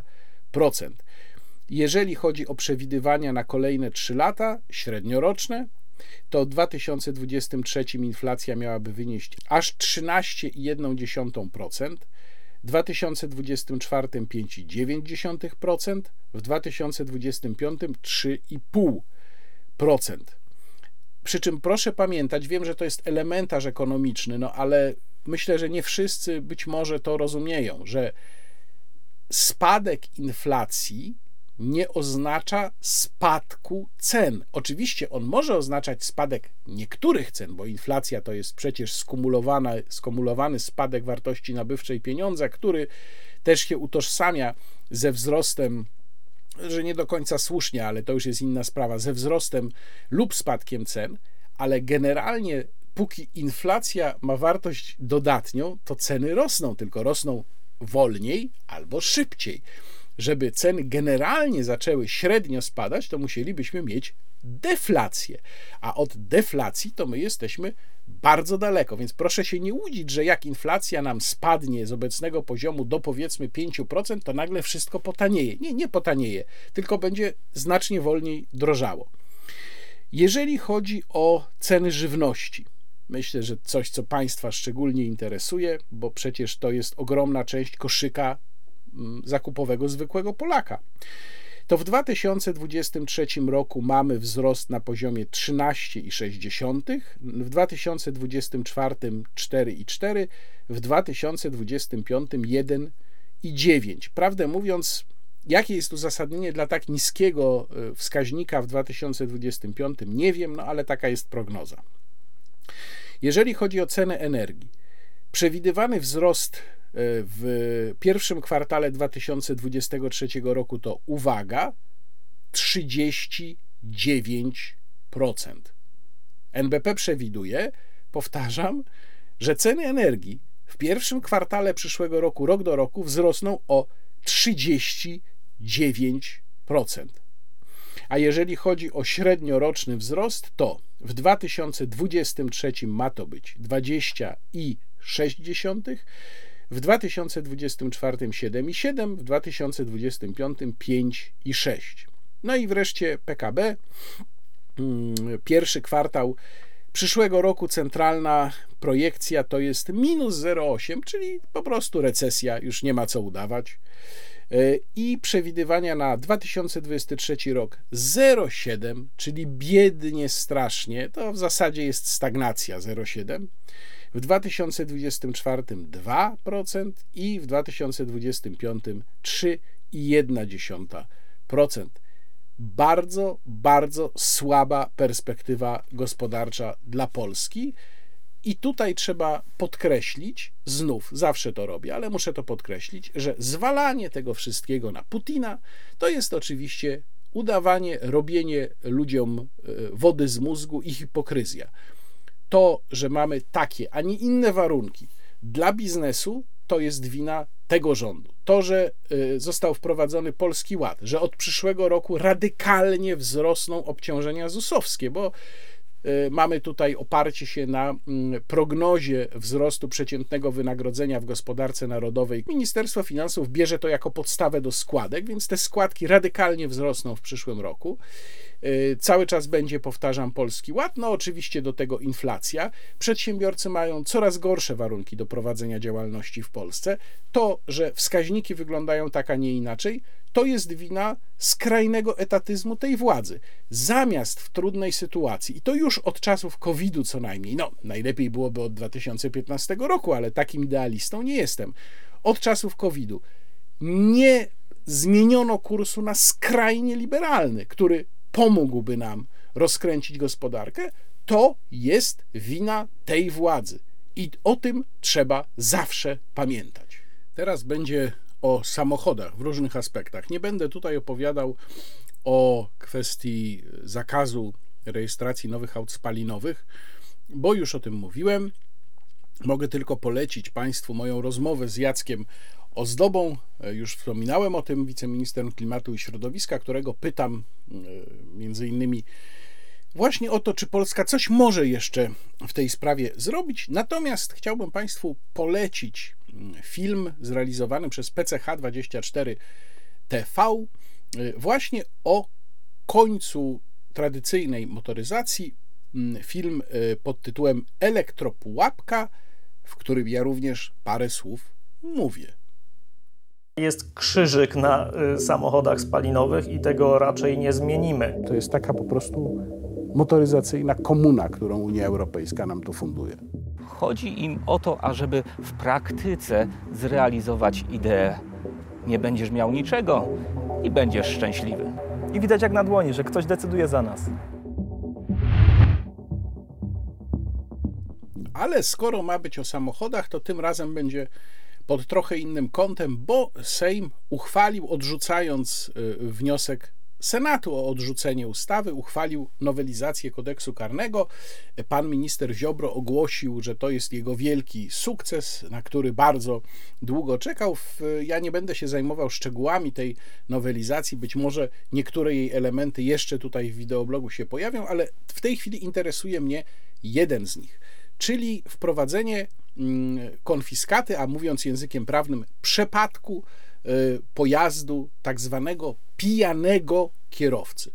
Przede wszystkim odsyłam Państwa do mojego tekstu na portalu Onet, gdzie uporządkowałem swoje argumenty przeciwko takiemu rozwiązaniu, które uważam za bardzo groźne i skrajnie populistyczne, ale te argumenty również tutaj Państwu y, przedstawię, dodając tylko, że nie opierałem się na jakichś omówieniach, bo ja lubię jednak sprawdzić wszystko dokładnie w przepisach, więc wziąłem po prostu, choć nie było to proste, bo tak są konstruowane nowelizacje w Polsce, że nie jest proste czytanie ich.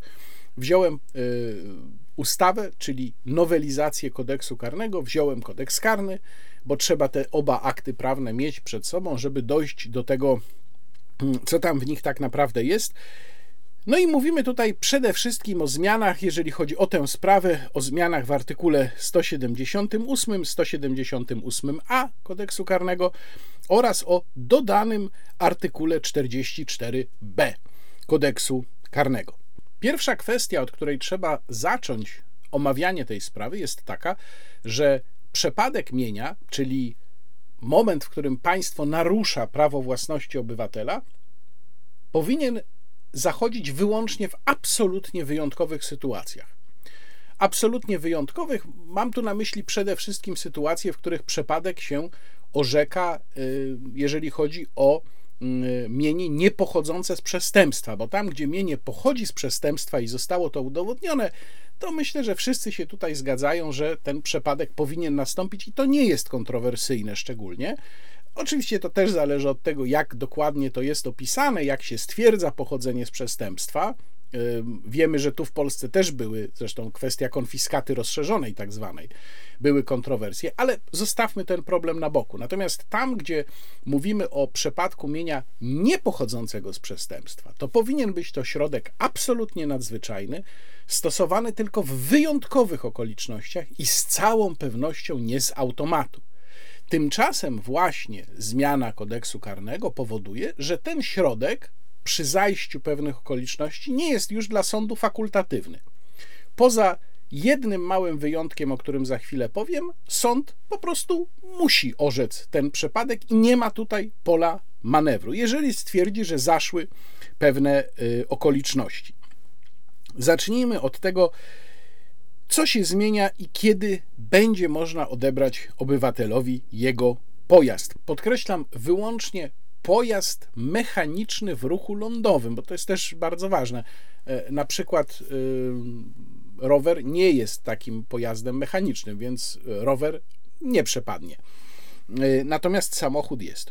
Otóż po pierwsze, będzie można stracić pojazd za samo prowadzenie w stanie nietrzeźwości. Tu przypominam, bo to jest też ważne, że w polskim prawie występują dwa stany po użyciu alkoholu. Pierwszy to jest stan po spożyciu od 0,2 do 0,5 promila i drugi to jest stan nietrzeźwości, czyli powyżej 0,5 promila.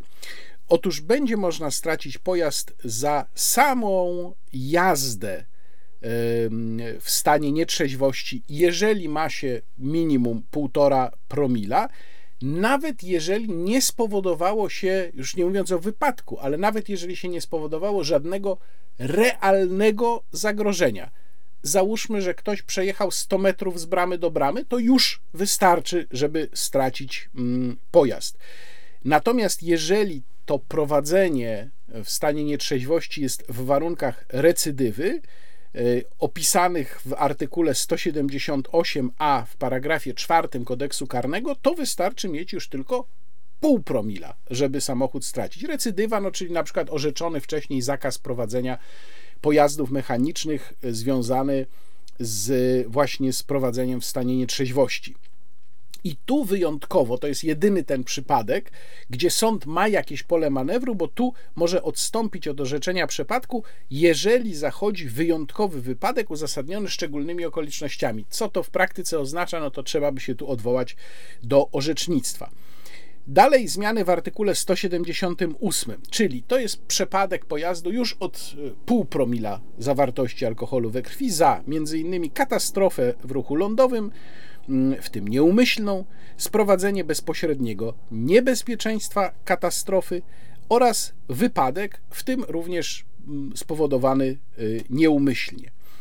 E, I uwaga teraz, tu również pojawia się Y, obligatoryjny przepadek pojazdu w razie spożywania alkoholu lub środka odurzającego po popełnieniu czynu, a przed zbadaniem przez uprawniony organ zawartości alkoholu czy też tego środka odurzającego we krwi. To otwiera furtkę, to jest zupełnie niesamowity przepis, bo to otwiera furtkę do pozbawienia własności kogoś, kto mógł być w momencie popełnienia czynu całkowicie stuprocentowo trzeźwy. A ja jestem sobie w stanie wyobrazić wiele takich sytuacji, w których ktoś po spowodowaniu wypadku zostanie po prostu obiektem pewnego rodzaju prowokacji. Jeżeli by się chciało, proszę nie myśleć, że to jest jakaś teoria spiskowa, naprawdę można to sobie wyobrazić. Jeżeli by się chciało kogoś uwalić, wystarczy podać mu coś do picia, kiedy ten ktoś jako sprawca będzie Y, skrajnie zdenerwowany i nie będzie, prawdę mówiąc, percypował tego, co się dzieje dookoła, wystarczy mu podać do picia coś z odpowiednio wysoką zawartością alkoholu. Potem przyjeżdża policja, pyk, pyk, sprawdza, proszę bardzo, pan jest w stanie nietrzeźwości, zabieramy samochód. Więc to otwiera drogę nie tylko do tego, żeby y, orzec przepadek pojazdu wobec y, sprawcy, który, jak powiadam, był stuprocentowo trzeźwy, kiedy prowadził pojazd, kiedy doszło do zdarzenia, ale także otwiera to drogę do potencjalnych prowokacji. No i wreszcie paragraf pierwszy artykułu 178 w połączeniu z nowym paragrafem trzecim oznacza także przepadek pojazdu za samo zbiegnięcie z miejsca zdarzenia. Wystarczy zbiec z miejsca zdarzenia i już traci się y, pojazd, nawet jeżeli sprawca jest stuprocentowo trzeźwy. I ja rozumiem, że niby stała za tym taka intencja, bo tak tłumaczą zwolennicy tego rozwiązania, że no często było tak, że sprawca był pijany, potem uciekał i y, chodziło o to, żeby wytrzeźwiał, a potem się zgłaszał, już był trzeźwy, prawda? Nie można było dowieść tego, że był pijany. Ale proszę się zastanowić, jeżeli rzeczywiście taka jest motywacja tego przepisu, to co to jest za konstrukcja prawna, która tak naprawdę uznaje a priori obywatela za winnego spowodowania wypadku w stanie nietrzeźwości, tylko dlatego, że ten ktoś odjechał z miejsca zdarzenia. Czyli y, ustawodawca robi założenie, że jeżeli się odjechało z miejsca zdarzenia, a można sobie wyobrazić różne sytuacje, różne stany psychiczne sprawcy, to oznacza to, że ktoś był nietrzeźwy, czyli zabieramy mu samochód. No naprawdę to jest prawo, które zaczyna wyglądać jak czysty Orwell. Czy to jest uzasadnione? Nie, to absolutnie nie jest uzasadnione. Przede wszystkim miejmy tę świadomość, że normy spożycia alkoholu są całkowicie arbitralne i te w Polsce należą do niższych, bo przecież y, my mamy co prawda dwie normy, ale ta niższa zaczyna się już od 0,2, czyli już wtedy grozi nam kara E, to jest bardzo nieduża ilość alkoholu, podczas kiedy blisko 20 państw europejskich ma normę ustawioną na rozsądniejszym poziomie 0,5, czyli tam, gdzie u nas zaczyna się stan nietrzeźwości. Ale są też kraje takie jak w Europie Malta czy Liechtenstein, na świecie na przykład Wenezuela, gdzie dopuszczalna norma alkoholu we krwi to jest 0,8. No to ja pytam, czy mieszkańcy Liechtensteinu, księstwa Liechtensteinu, albo mieszkańcy Malty mają jakieś inne organizmy niż Polacy, że tam można jeździć jak się ma 0,8, a u nas nie można. Czyli proszę sobie to uświadomić. E, w Polsce stracą państwo pojazd w wyniku obligatoryjnego orzeczenia przepadku za spowodowanie wypadku z taką zawartością alkoholu we krwi, za którą na Malcie czy w Liechtensteinie nawet byście mandatu państwo nie dostali. Wreszcie spójrzmy na statystykę wypadków. No bo jeżeli się wprowadza tak drakońskie rozwiązania, no to można by założyć, że to jest jakiś wielki, palący problem. Ja oczywiście nie lekceważę żadnego wypadku, w którym zginęli ludzie, no ale spójrzmy, czy to rzeczywiście jest tak gigantyczny problem, jak twierdzą zwolennicy tego rozwiązania. Patrzę tutaj na dane z ubiegłego roku. Otóż doszło w 2021 roku do 22 816 wypadków drogowych, w których śmierć poniosło 2245 osób, a rannych zostało 26 415.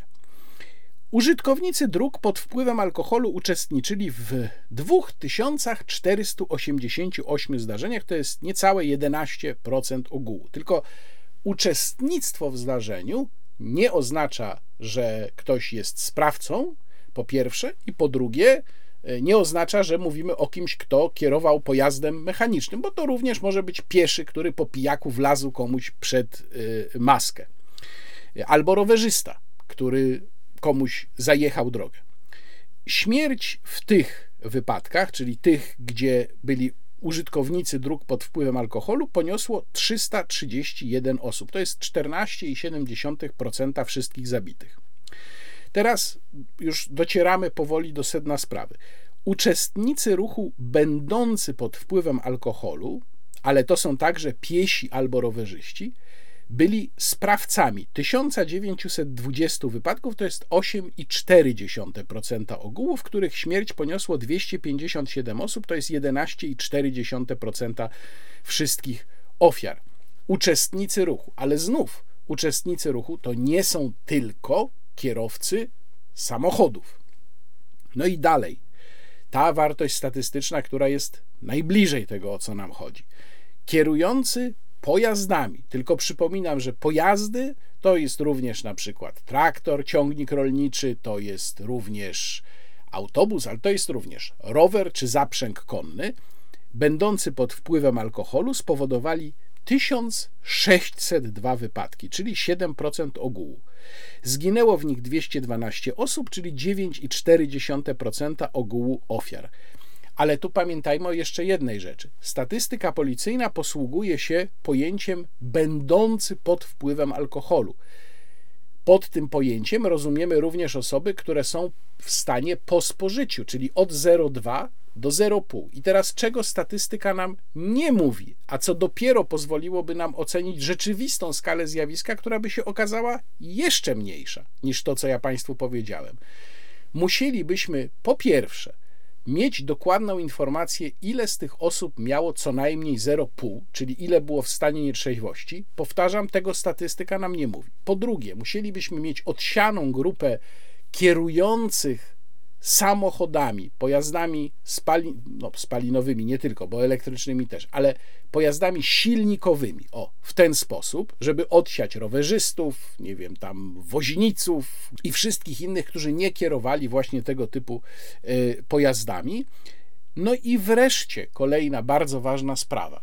To, że sprawca był pod wpływem alkoholu. Mógł mieć na przykład 0,21 promila nie musi wcale oznaczać, że ten alkohol miał wpływ jakikolwiek na to, co się stało.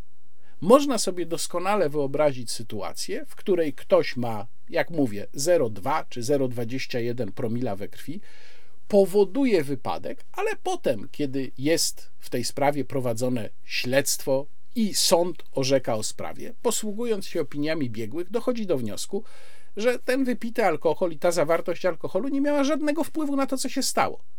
Więc, żeby mieć pełny obraz tego rzekomo dramatycznego problemu, musielibyśmy jeszcze dokonać całej serii przybliżeń, których statystyka policyjna nam nie dostarcza.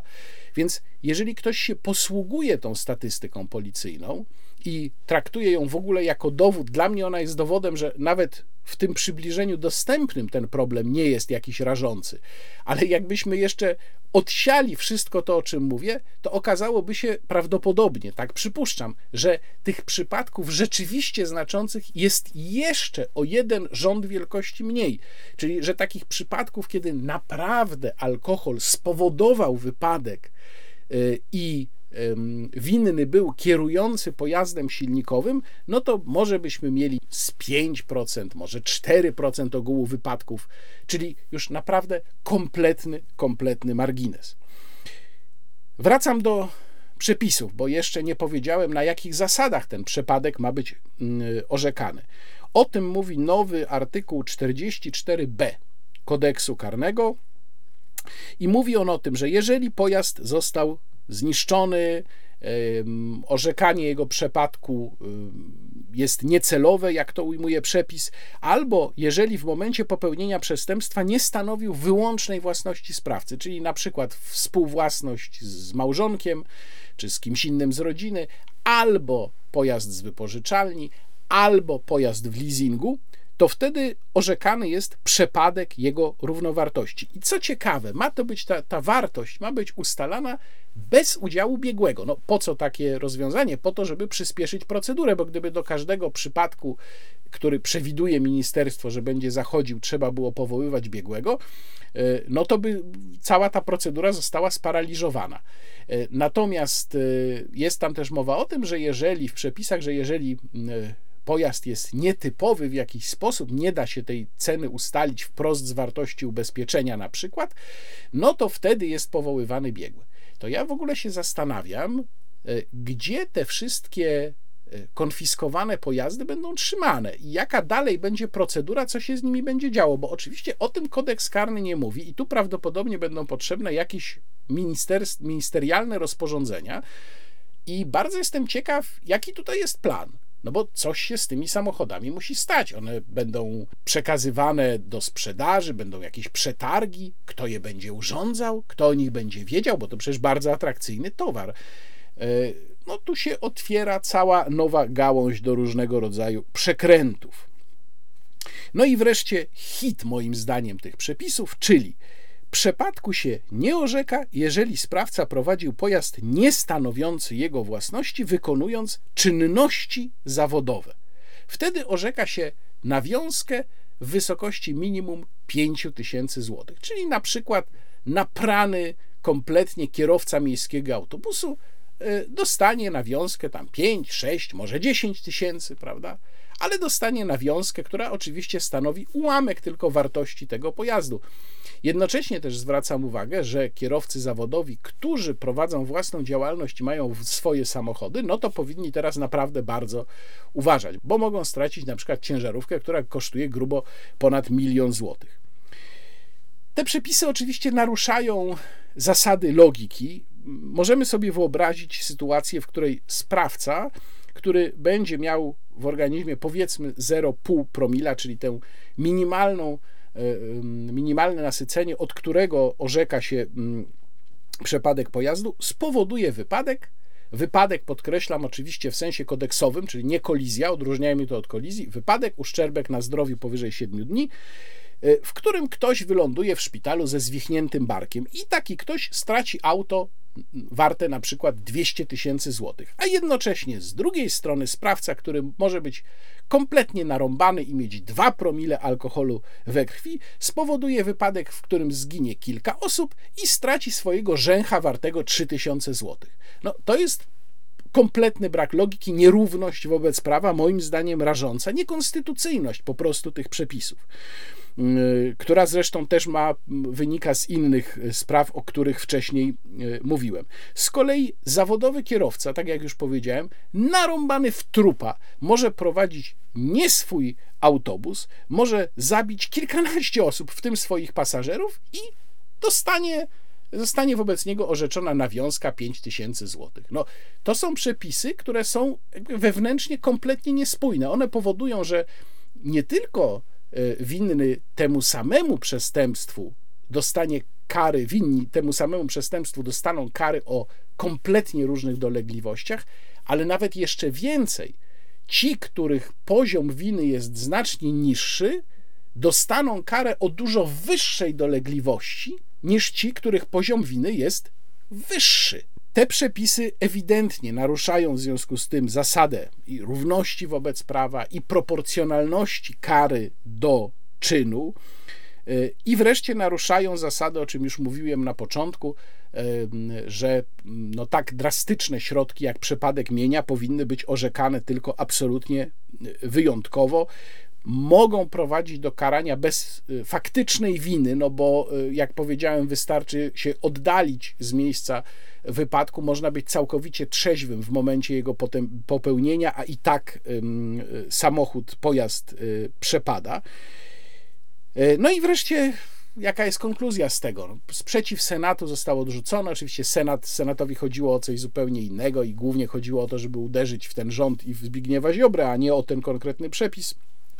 Y, teraz czekamy, co zrobi pan prezydent. No i co zrobi pan prezydent?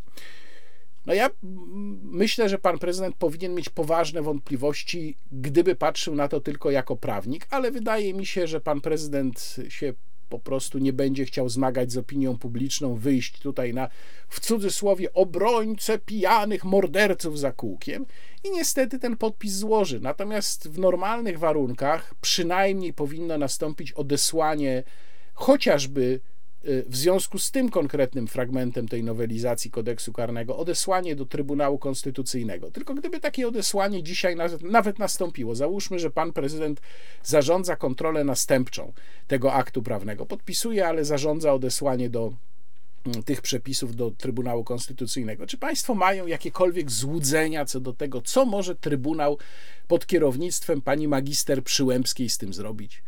I to, nawiasem mówiąc, pokazuje, jak ważne jest, żeby w przyszłości, kiedy no, jakoś tam byśmy chcieli ustawić nasze państwo porządnie, jak w przyszłości ważne jest, żeby był normalnie działający Trybunał Konstytucyjny.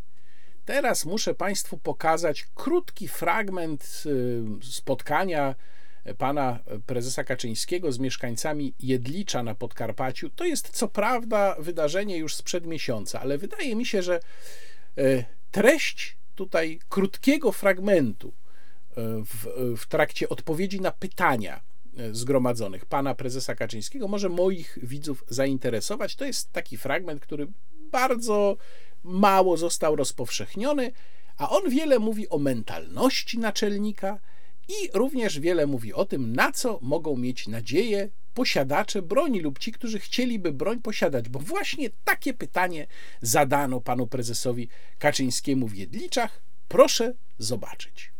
Kiedy będzie nowa ustawa o broni i amunicji? Czy jest możliwe, aby organizacje paramilitarne działające na rzecz obronności państwa otrzymały takie same umocowania prawne jak ochotnicze straże pożarne, tyle że pod patronatem Ministerstwa Obrony Narodowej? Szanowni Państwo, ja nie ukrywam, ja nie należę do ludzi, którzy uważają, że e, to, że będą ludzie mieli broń w domu, to zwiększy nasze, naszą siłę obronną. Owszem, to, żeby ludzie się uczyli strzelać, żeby uczyli się różnych mm, zadań, które są związane ze służbą wojskową, to tak.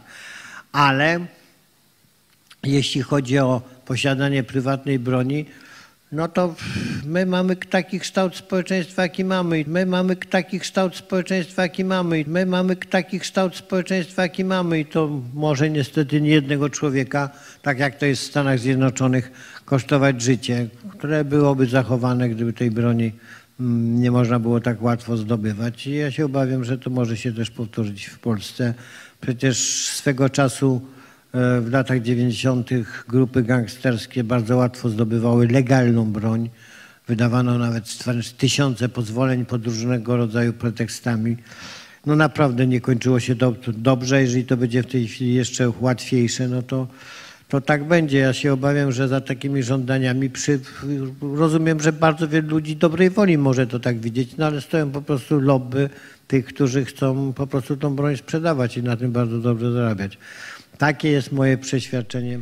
No więc jeśli ktoś sądził, jak widać, że Jarosław Kaczyński w jakimkolwiek stopniu z powodu inwazji rosyjskiej na Ukrainę zmienił zdanie w sprawie posiadania broni, to się bardzo grubo mylił.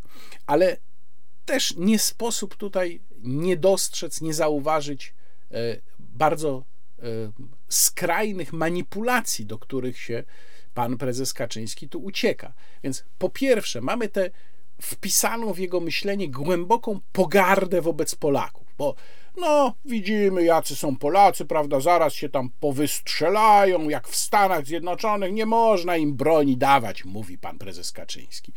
Ale mówi także coś, coś kompletnie zmanipulowanego.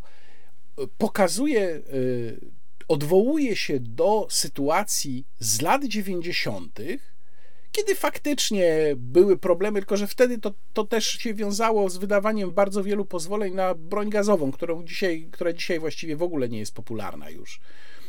E, I twierdzi, że sytuacja dzisiaj byłaby taka jak w latach 90., bo gangsterzy dostawaliby pozwolenia na broń. Panie prezesie, czy pan wie, kto wydaje pozwolenia na broń w Polsce? To ja panu powiem. Pozwolenia na broń w Polsce wydaje policja, a dokładnie zajmują się tym Wydziały Postępowań Administracyjnych Komend Wojewódzkich Policji lub w przypadku e, województwa mazowieckiego Komenda Stołeczna, jej Wydział Postępowań Administracyjnych. A teraz, panie prezesie Kaczyński, zagadka. Kto kontroluje policję w Polsce? Czy pana zdaniem 7 lat po wygranych po raz pierwszy wyborach przez PiS policję kontrolują jakieś mafie, gangsterzy, czy może kontroluje ją pan Wąsik z panem Kamińskim jako ministrem spraw wewnętrznych? Bo jeśli tak jest, to pańskie twierdzenie o tym, że gangsterzy by weszli legalnie w posiadanie broni, jest jakimś dramatycznym aktem braku zaufania do pana ministra Kamińskiego. I do policji, oczywiście, w ogóle, która pozostaje pod waszą kontrolą od siedmiu lat. No oczywiście pan Kaczyński gada bzdury, to jest skrajna demagogia. Nikt nie postuluje dzisiaj i nie ma takich pomysłów zawartych w którymkolwiek projekcie, które są w tej chwili w Sejmie, puszczenia wszystkiego samopas, a tym bardziej wprowadzenia procedur, które by umożliwiły powrót do tych lat 90., o których mówi pan prezes, a zresztą, gdyby przeprowadzić solidną kwerendę danych, to moglibyśmy się zdziwić, w jakim stopniu broń, którą wtedy posługiwały się gangi, była legalna, a w jakim nielegalna. No w każdym razie, jeżeli ktoś miał nadzieję, że coś tam do naczelnika dotarło w tej kwestii, to się grubo mylił. W pewnych sprawach naczelnik zdania nie zmienia. A teraz parę słów na temat y, kwestii KPO i tu nawiązuję do y, kodeksu karnego, bo ten, te decyzje o uchwaleniu nowelizacji kodeksu karnego, e, takiego no, sztandarowego przedsięwzięcia Zbigniewa Ziobry, myślę, że trzeba widzieć właśnie w kontekście tego, co się dzieje wokół KPO i co się dzieje w samej koalicji. Przede wszystkim myślę, że sytuacja musi być naprawdę dramatyczna. Mówię teraz o sytuacji finansów państwa, czy może raczej źle powiedziałem. Ona jest dramatyczna i wiele osób to widzi. Natomiast to chyba zaczęło docierać do samego naczelnika, skoro mm, wydał zgodę na działania, które prowadzi w tej chwili pan wiceminister spraw zagranicznych, pan Szymon y, Sękowski-Wel-Sęk w Brukseli Przypomnę, są to negocjacje w sprawie tego, co mamy zrobić z naszym wymiarem sprawiedliwości, i według informacji, które do nas docierają, elementem tych negocjacji, poza ustaleniem pewnych granic, ale takim bardzo już jednoznacznym i jasnym ustaleniem granic, jeżeli chodzi o to, z czego my możemy ustąpić i czego będzie chciała Komisja Europejska, to elementem tych negocjacji jest również doprowadzenie do tego, żeby Komisja Europejska zupełnie wprost powiedziała nam, no wręcz pisząc to czarno na białym, czego w sensie legislacyjnym od nas oczekuje. To jest dosyć sprytny zabieg, bo to by zlikwidowało dwuznaczność, wieloznaczność, nieokreśloność żądań Komisji Europejskiej, które do tej pory powodowały, że no, zawsze było tak, że myśmy tam coś robili, widzę ustawa prezydencka i pan prezydent, który czuje się oszukany, a potem się okazywało, że i tak tych pieniędzy nie ma, bo jeszcze coś tam. Teraz, gdyby Komisja Europejska podała nam czarno na białym, ma być tak, tak i tak, no i my byśmy to po prostu przełożyli tylko do e, ustawy, no to, to jasna sprawa byłaby, że wtedy piłka by była po stronie Komisji Europejskiej. Więc jeden, jedno wyjaśnienie jest takie, że e, to jest taka próba rzeczywiście uzyskania tych pieniędzy już tym razem. Ale jest też możliwe drugie wyjaśnienie i one oba mogą zachodzić jednocześnie, że to jest próba zwalenia ostatecznie winy za niepowodzenie i brak pieniędzy na Komisję Europejską. E, no, zobaczcie, myśmy się tak starali, nawet mm, chcieliśmy, żeby oni nam wprost napisali, czego chcą, a tymczasem oni nadal te pieniądze blokują. Który z wariantów by nie zaszedł, można powiedzieć, że naczelnik prawdopodobnie sobie wyobraża, że wygrywa to starcie. Jest oczywiście pewna wizerunkowa wada tego podejścia, która polega na tym, że e, i tu myślę, że część opozycji mogłaby to PiSowi wyciągnąć, choć na razie jakoś tak nie za bardzo dostrzegam, żeby ktoś to załapał. Może dlatego, że sprawa jeszcze nie jest sfinalizowana, że przecież to oznacza, że my pozwalamy, czy rząd PiS pozwalałby Komisji Europejskiej dokładnie napisać, czego ona chce w dziedzinie, co do której cały czas PiS podkreślał, że jest naszą suwerenną sprawą, absolutnie suwerenną. Czyli nagle PiS chce, żeby komisja nam słowo w słowo podyktowała, czego sobie życzy w wymiarze sprawiedliwości. No, to trochę przypomina sytuację z tarczą antyinflacyjną, gdy nagle się okazało, że tutaj suwerenność, obywatele, to no wszystko ten, ale jednak jak ta Komisja Europejska tam naciska, no to my już wycofamy tę tarczę antyinflacyjną. No i tutaj wygląda, że jest podobnie. E, ofiarą tych ewentualnych zabiegów i zmian ewentualnych w wymiarze sprawiedliwości, no padłby rzecz jasna Zbigniew Ziobro, no bo przecież to jest jego sztandarowa dziedzina, to jest jego dziecko. On to wszystko zrobił. Ja teraz nie oceniam jak to zrobił. Jestem w tej sprawie bardzo krytyczny, to pewnie Państwo wiedzą, ale nie to jest tutaj przedmiotem moich rozważań. Więc coś trzeba by było, gdyby moja teoria była słuszna, coś trzeba by było Zbigniewowi Ziobrze dać. No to tak, najpierw wycofano dwie ustawy, przeciwko którym y, się opowiadał, czyli tę ustawę Hucpa Plus, czy tam Koryto Plus i ustawę Bezkarność plus, czyli Zbigniew Ziobro, można powiedzieć, coś dostał. No, oczywiście wcześniej dostał też znaczącą, znaczące osłabienie pozycji Mateusza Morawieckiego. Tylko czy to jest wystarczająco dużo? Ja myślę, że jeżeli mam rację, tam być może kombinacja jest taka. Pozwólmy Zbigniewowi Ziobrze i Solidarnej Polsce zagłosować przeciwko tym zmianom.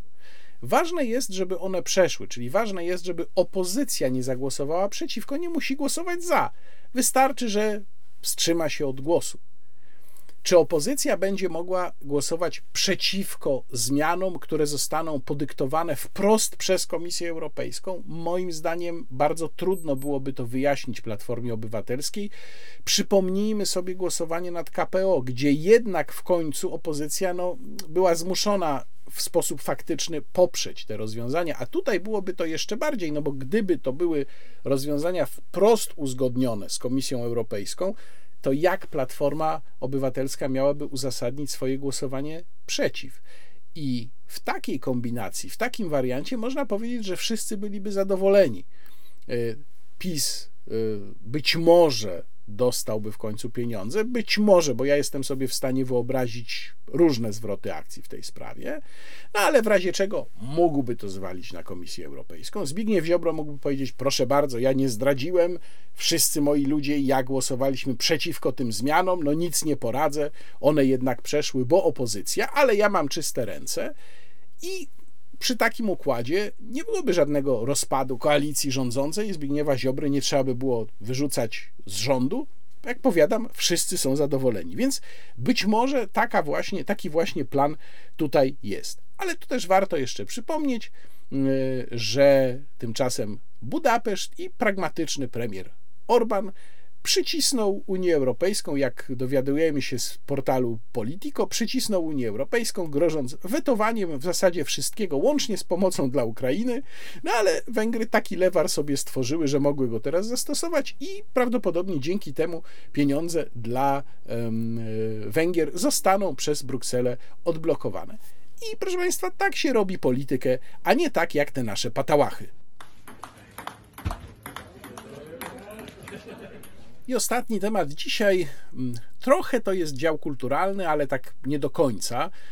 Sezon na zwiedzanie jest, powiedziałbym, lekko martwy. Ja też nie mam tylu okazji do wyjazdów jak poprzednio, więc mam nadzieję, że to mi Państwo wybaczą. Natomiast chciałbym Państwu polecić cykl, znakomity cykl koncertów realizowanych przez Fundację Ars Hori. To jest moje niedawne odkrycie. Link do strony fundacji zamieszczam w opisie filmu i tam też Państwo znajdą spis koncertów. No niestety kończy się już właściwie cykl, bardzo, bardzo świetny, bardzo ciekawy cykl koncertów, muzyka archiwów i barok po francusku. Te koncerty odbywały się i odbywają się w pałacu w Wilanowie, ale jeszcze jest jeden koncert, na który mogą Państwo um, kupić wejściówki. Ten koncert będzie 18 grudnia, Musique pour Noël, czyli muzyka na Boże Narodzenie, właśnie muzyka francuska. Jeżeli Państwo zechcą, to być może się tam spotkamy, bo ja już swoją wejściówkę mam. Muszę powiedzieć, że e, projekt fundacji no, bardzo mnie ujął, a szczególnie mm, tutaj jestem zachwycony panią Judytą Tupczyńską, która w zespole Fundacji Ars Hori gra na skrzypcach barokowych. To jest naprawdę znakomita skrzypaczka. Ja z ogromną przyjemnością mm, słucham jej wykonań w czasie tych koncertów, więc bardzo, bardzo Państwa zachęcam. Zresztą wprowadzenia do koncertów mm, Fundacji Ars Hori wygłasza Jakub Burzyński, doskonale Państwu znany z mojego wideoblogu, y, szef, założyciel zespołu muzyki dawnej La Tempesta, który nie tylko e, dyryguje, nie tylko jest kontratenorem również, a więc także śpiewa, ale poza tym jest znakomitym gawędziarzem muzycznym, o czym być może Państwo nie wiedzą. Jego wprowadzenia do koncertów są naprawdę świetne. Tego się słucha jak najlepszego programu, jak najlepszego filmu na YouTubie, a zwłaszcza jeżeli to jest na żywo. I ja w ogóle Jakuba bym zachęcał do tego, żeby być może e, zrobił taki projekt, na przykład YouTubeowy, gawędy o y, muzyce dawnej na YouTubie Myślę, że to by mogło całkiem dobrze się oglądać, przynajmniej wśród fanów muzyki dawnej, więc pomysł podrzucam, Kuba, pomyśl o tym. Jedna rzecz mi utkwiła bardzo w pamięci z tego, co Jakub Burzyński mówił przed jednym z tych koncertów, koncertów właśnie z cyklu Barok po francusku. Opowiadając o y, specyfice francuskiej muzyki barokowej, o tak zwanym idiomie muzycznym francuskim z tamtego czasu, czyli mówimy o XVII XVIII wieku, powiedział, że czasem są wątpliwości w Polsce, czy Polacy potrafią zagrać, że to może tylko Francuzi umieją, czują tę muzykę. Jakub Bożyński powiedział: Nie, to nieprawda. My mamy znakomitych wykonawców, którzy bez żadnych kompleksów mogą podejść do muzyki francuskiej, niemieckiej, włoskiej, angielskiej muzyki barokowej i świetnie ją wykonywać. I ja absolutnie się z tym zgadzam. Tak, my mamy znakomitych wykonawców, którzy nagrywają moim zdaniem za mało płyt. Być może przyczyny są jakieś szczególne tutaj, może to jest kwestia preferencji dużych wytwórni płytowych, nie wiem. Moim zdaniem tych płyt jest zdecydowanie za mało. Chodzę na koncerty, więc wiem, jaki jest potencjał, jakie są zdolności polskich orkiestr grających muzykę dawną. I chciałbym dlatego Państwa bardzo zachęcić do tego, żeby chodzić na koncerty, kupować płyty polskich wykonawców. Mamy znakomitych wykonawców muzyki dawnej, tylko trzeba trochę poszukać. A dlaczego o tym mówię? Mówię o tym dlatego, że e, rozmawiałem niedawno z panią prorektor jednej z polskich akademii muzycznych, która przedstawiała mi w bardzo ponurych barwach mm, sytuację swojej uczelni. Myślę, że to jest niestety opowieść reprezentatywna dla wielu innych szkół muzycznych. Tak jak ja mówiłem, chyba mówiłem nawet w tym wideoblogu, e, i pisałem wielokrotnie o tym, jak leży szkolnictwo muzyczne na poziomie podstawowym, niestety jest traktowane zupełnie po macoszemu, to z kolei nasze szkolnictwo muzyczne na poziomie średnim, a zwłaszcza na poziomie wyższym, jest naprawdę bardzo dobre. My mamy po prostu bardzo dobrych muzyków. I niestety to jest ta grupa uczelni, które nie są w stanie pracować zdalnie. E, bo to jest tak jak z uczelniami technicznymi, jak z politechniką. W szkole artystycznej, zwłaszcza w szkole muzycznej, student musi być na miejscu. Musi mieć żywy kontakt z profesorem, musi ćwiczyć z innymi studentami, inaczej się tego po prostu nie da zrobić. I już dlatego szkoły muzyczne, wyższe szkoły muzyczne bardzo oberwały w trakcie pandemii. Po prostu były zamykane niestety w większości i nie da się w ten sposób prowadzić nauki. To jest dla studentów realne opóźnienie w ich cyklu nauczania. I teraz niestety dzieje się coś bardzo podobnego, tylko że z powodów finansowych. E, wyższe uczelnie, w tym również uczelnie artystyczne, którym na przykład, y, zwłaszcza muzycznym, jest znacznie trudniej uzyskać granty niż normalnym, dużym uniwersytetom. Poza tym akademie muzyczne czy uniwersytety muzyczne są zwykle po prostu dużo mniejsze niż y, normalne szkoły wyższe, normalne uniwersytety. Im przyznano subwencję mm, z Ministerstwa Nauki w wysokości takiej samej jak na ubiegły rok no to przecież mówiłem Państwu o tym, jak wygląda inflacja. My to zresztą wszyscy wiemy. Jak wygląda inflacja cen energii. Te szkoły po prostu nie są w stanie funkcjonować przy takiej subwencji, a tymczasem ministerstwo wydaje się kompletnie obojętne na ten problem. Nie, nie ma sprawy, nie ma problemu, nie ma się czym przejmować. I niestety konsekwencją tego jest to, że wiele z tych szkół już podjęło decyzję o zamknięciu się przynajmniej na miesiąc, jeżeli nie na dłużej, właśnie w okresie zimowym, po to, żeby zaoszczędzić na ogrzewaniu. Ta y, wyższa szkoła, o której wspominałem, z której panią prorektor rozmawiałem niedawno, y, już y, zamyka się w niedzielę. Niedziela to był taki dzień, kiedy studenci przychodzili do szkoły po to, żeby ćwiczyć i mieli do niej dostęp. No, jeżeli się na przykład gra na fortepianie, jeżeli się gra na trąbce, jeżeli się gra na klawesynie, bardzo często tylko w szkole, w akademii muzycznej można swobodnie poćwiczyć, niekoniecznie wszyscy mogą to robić u siebie w domu.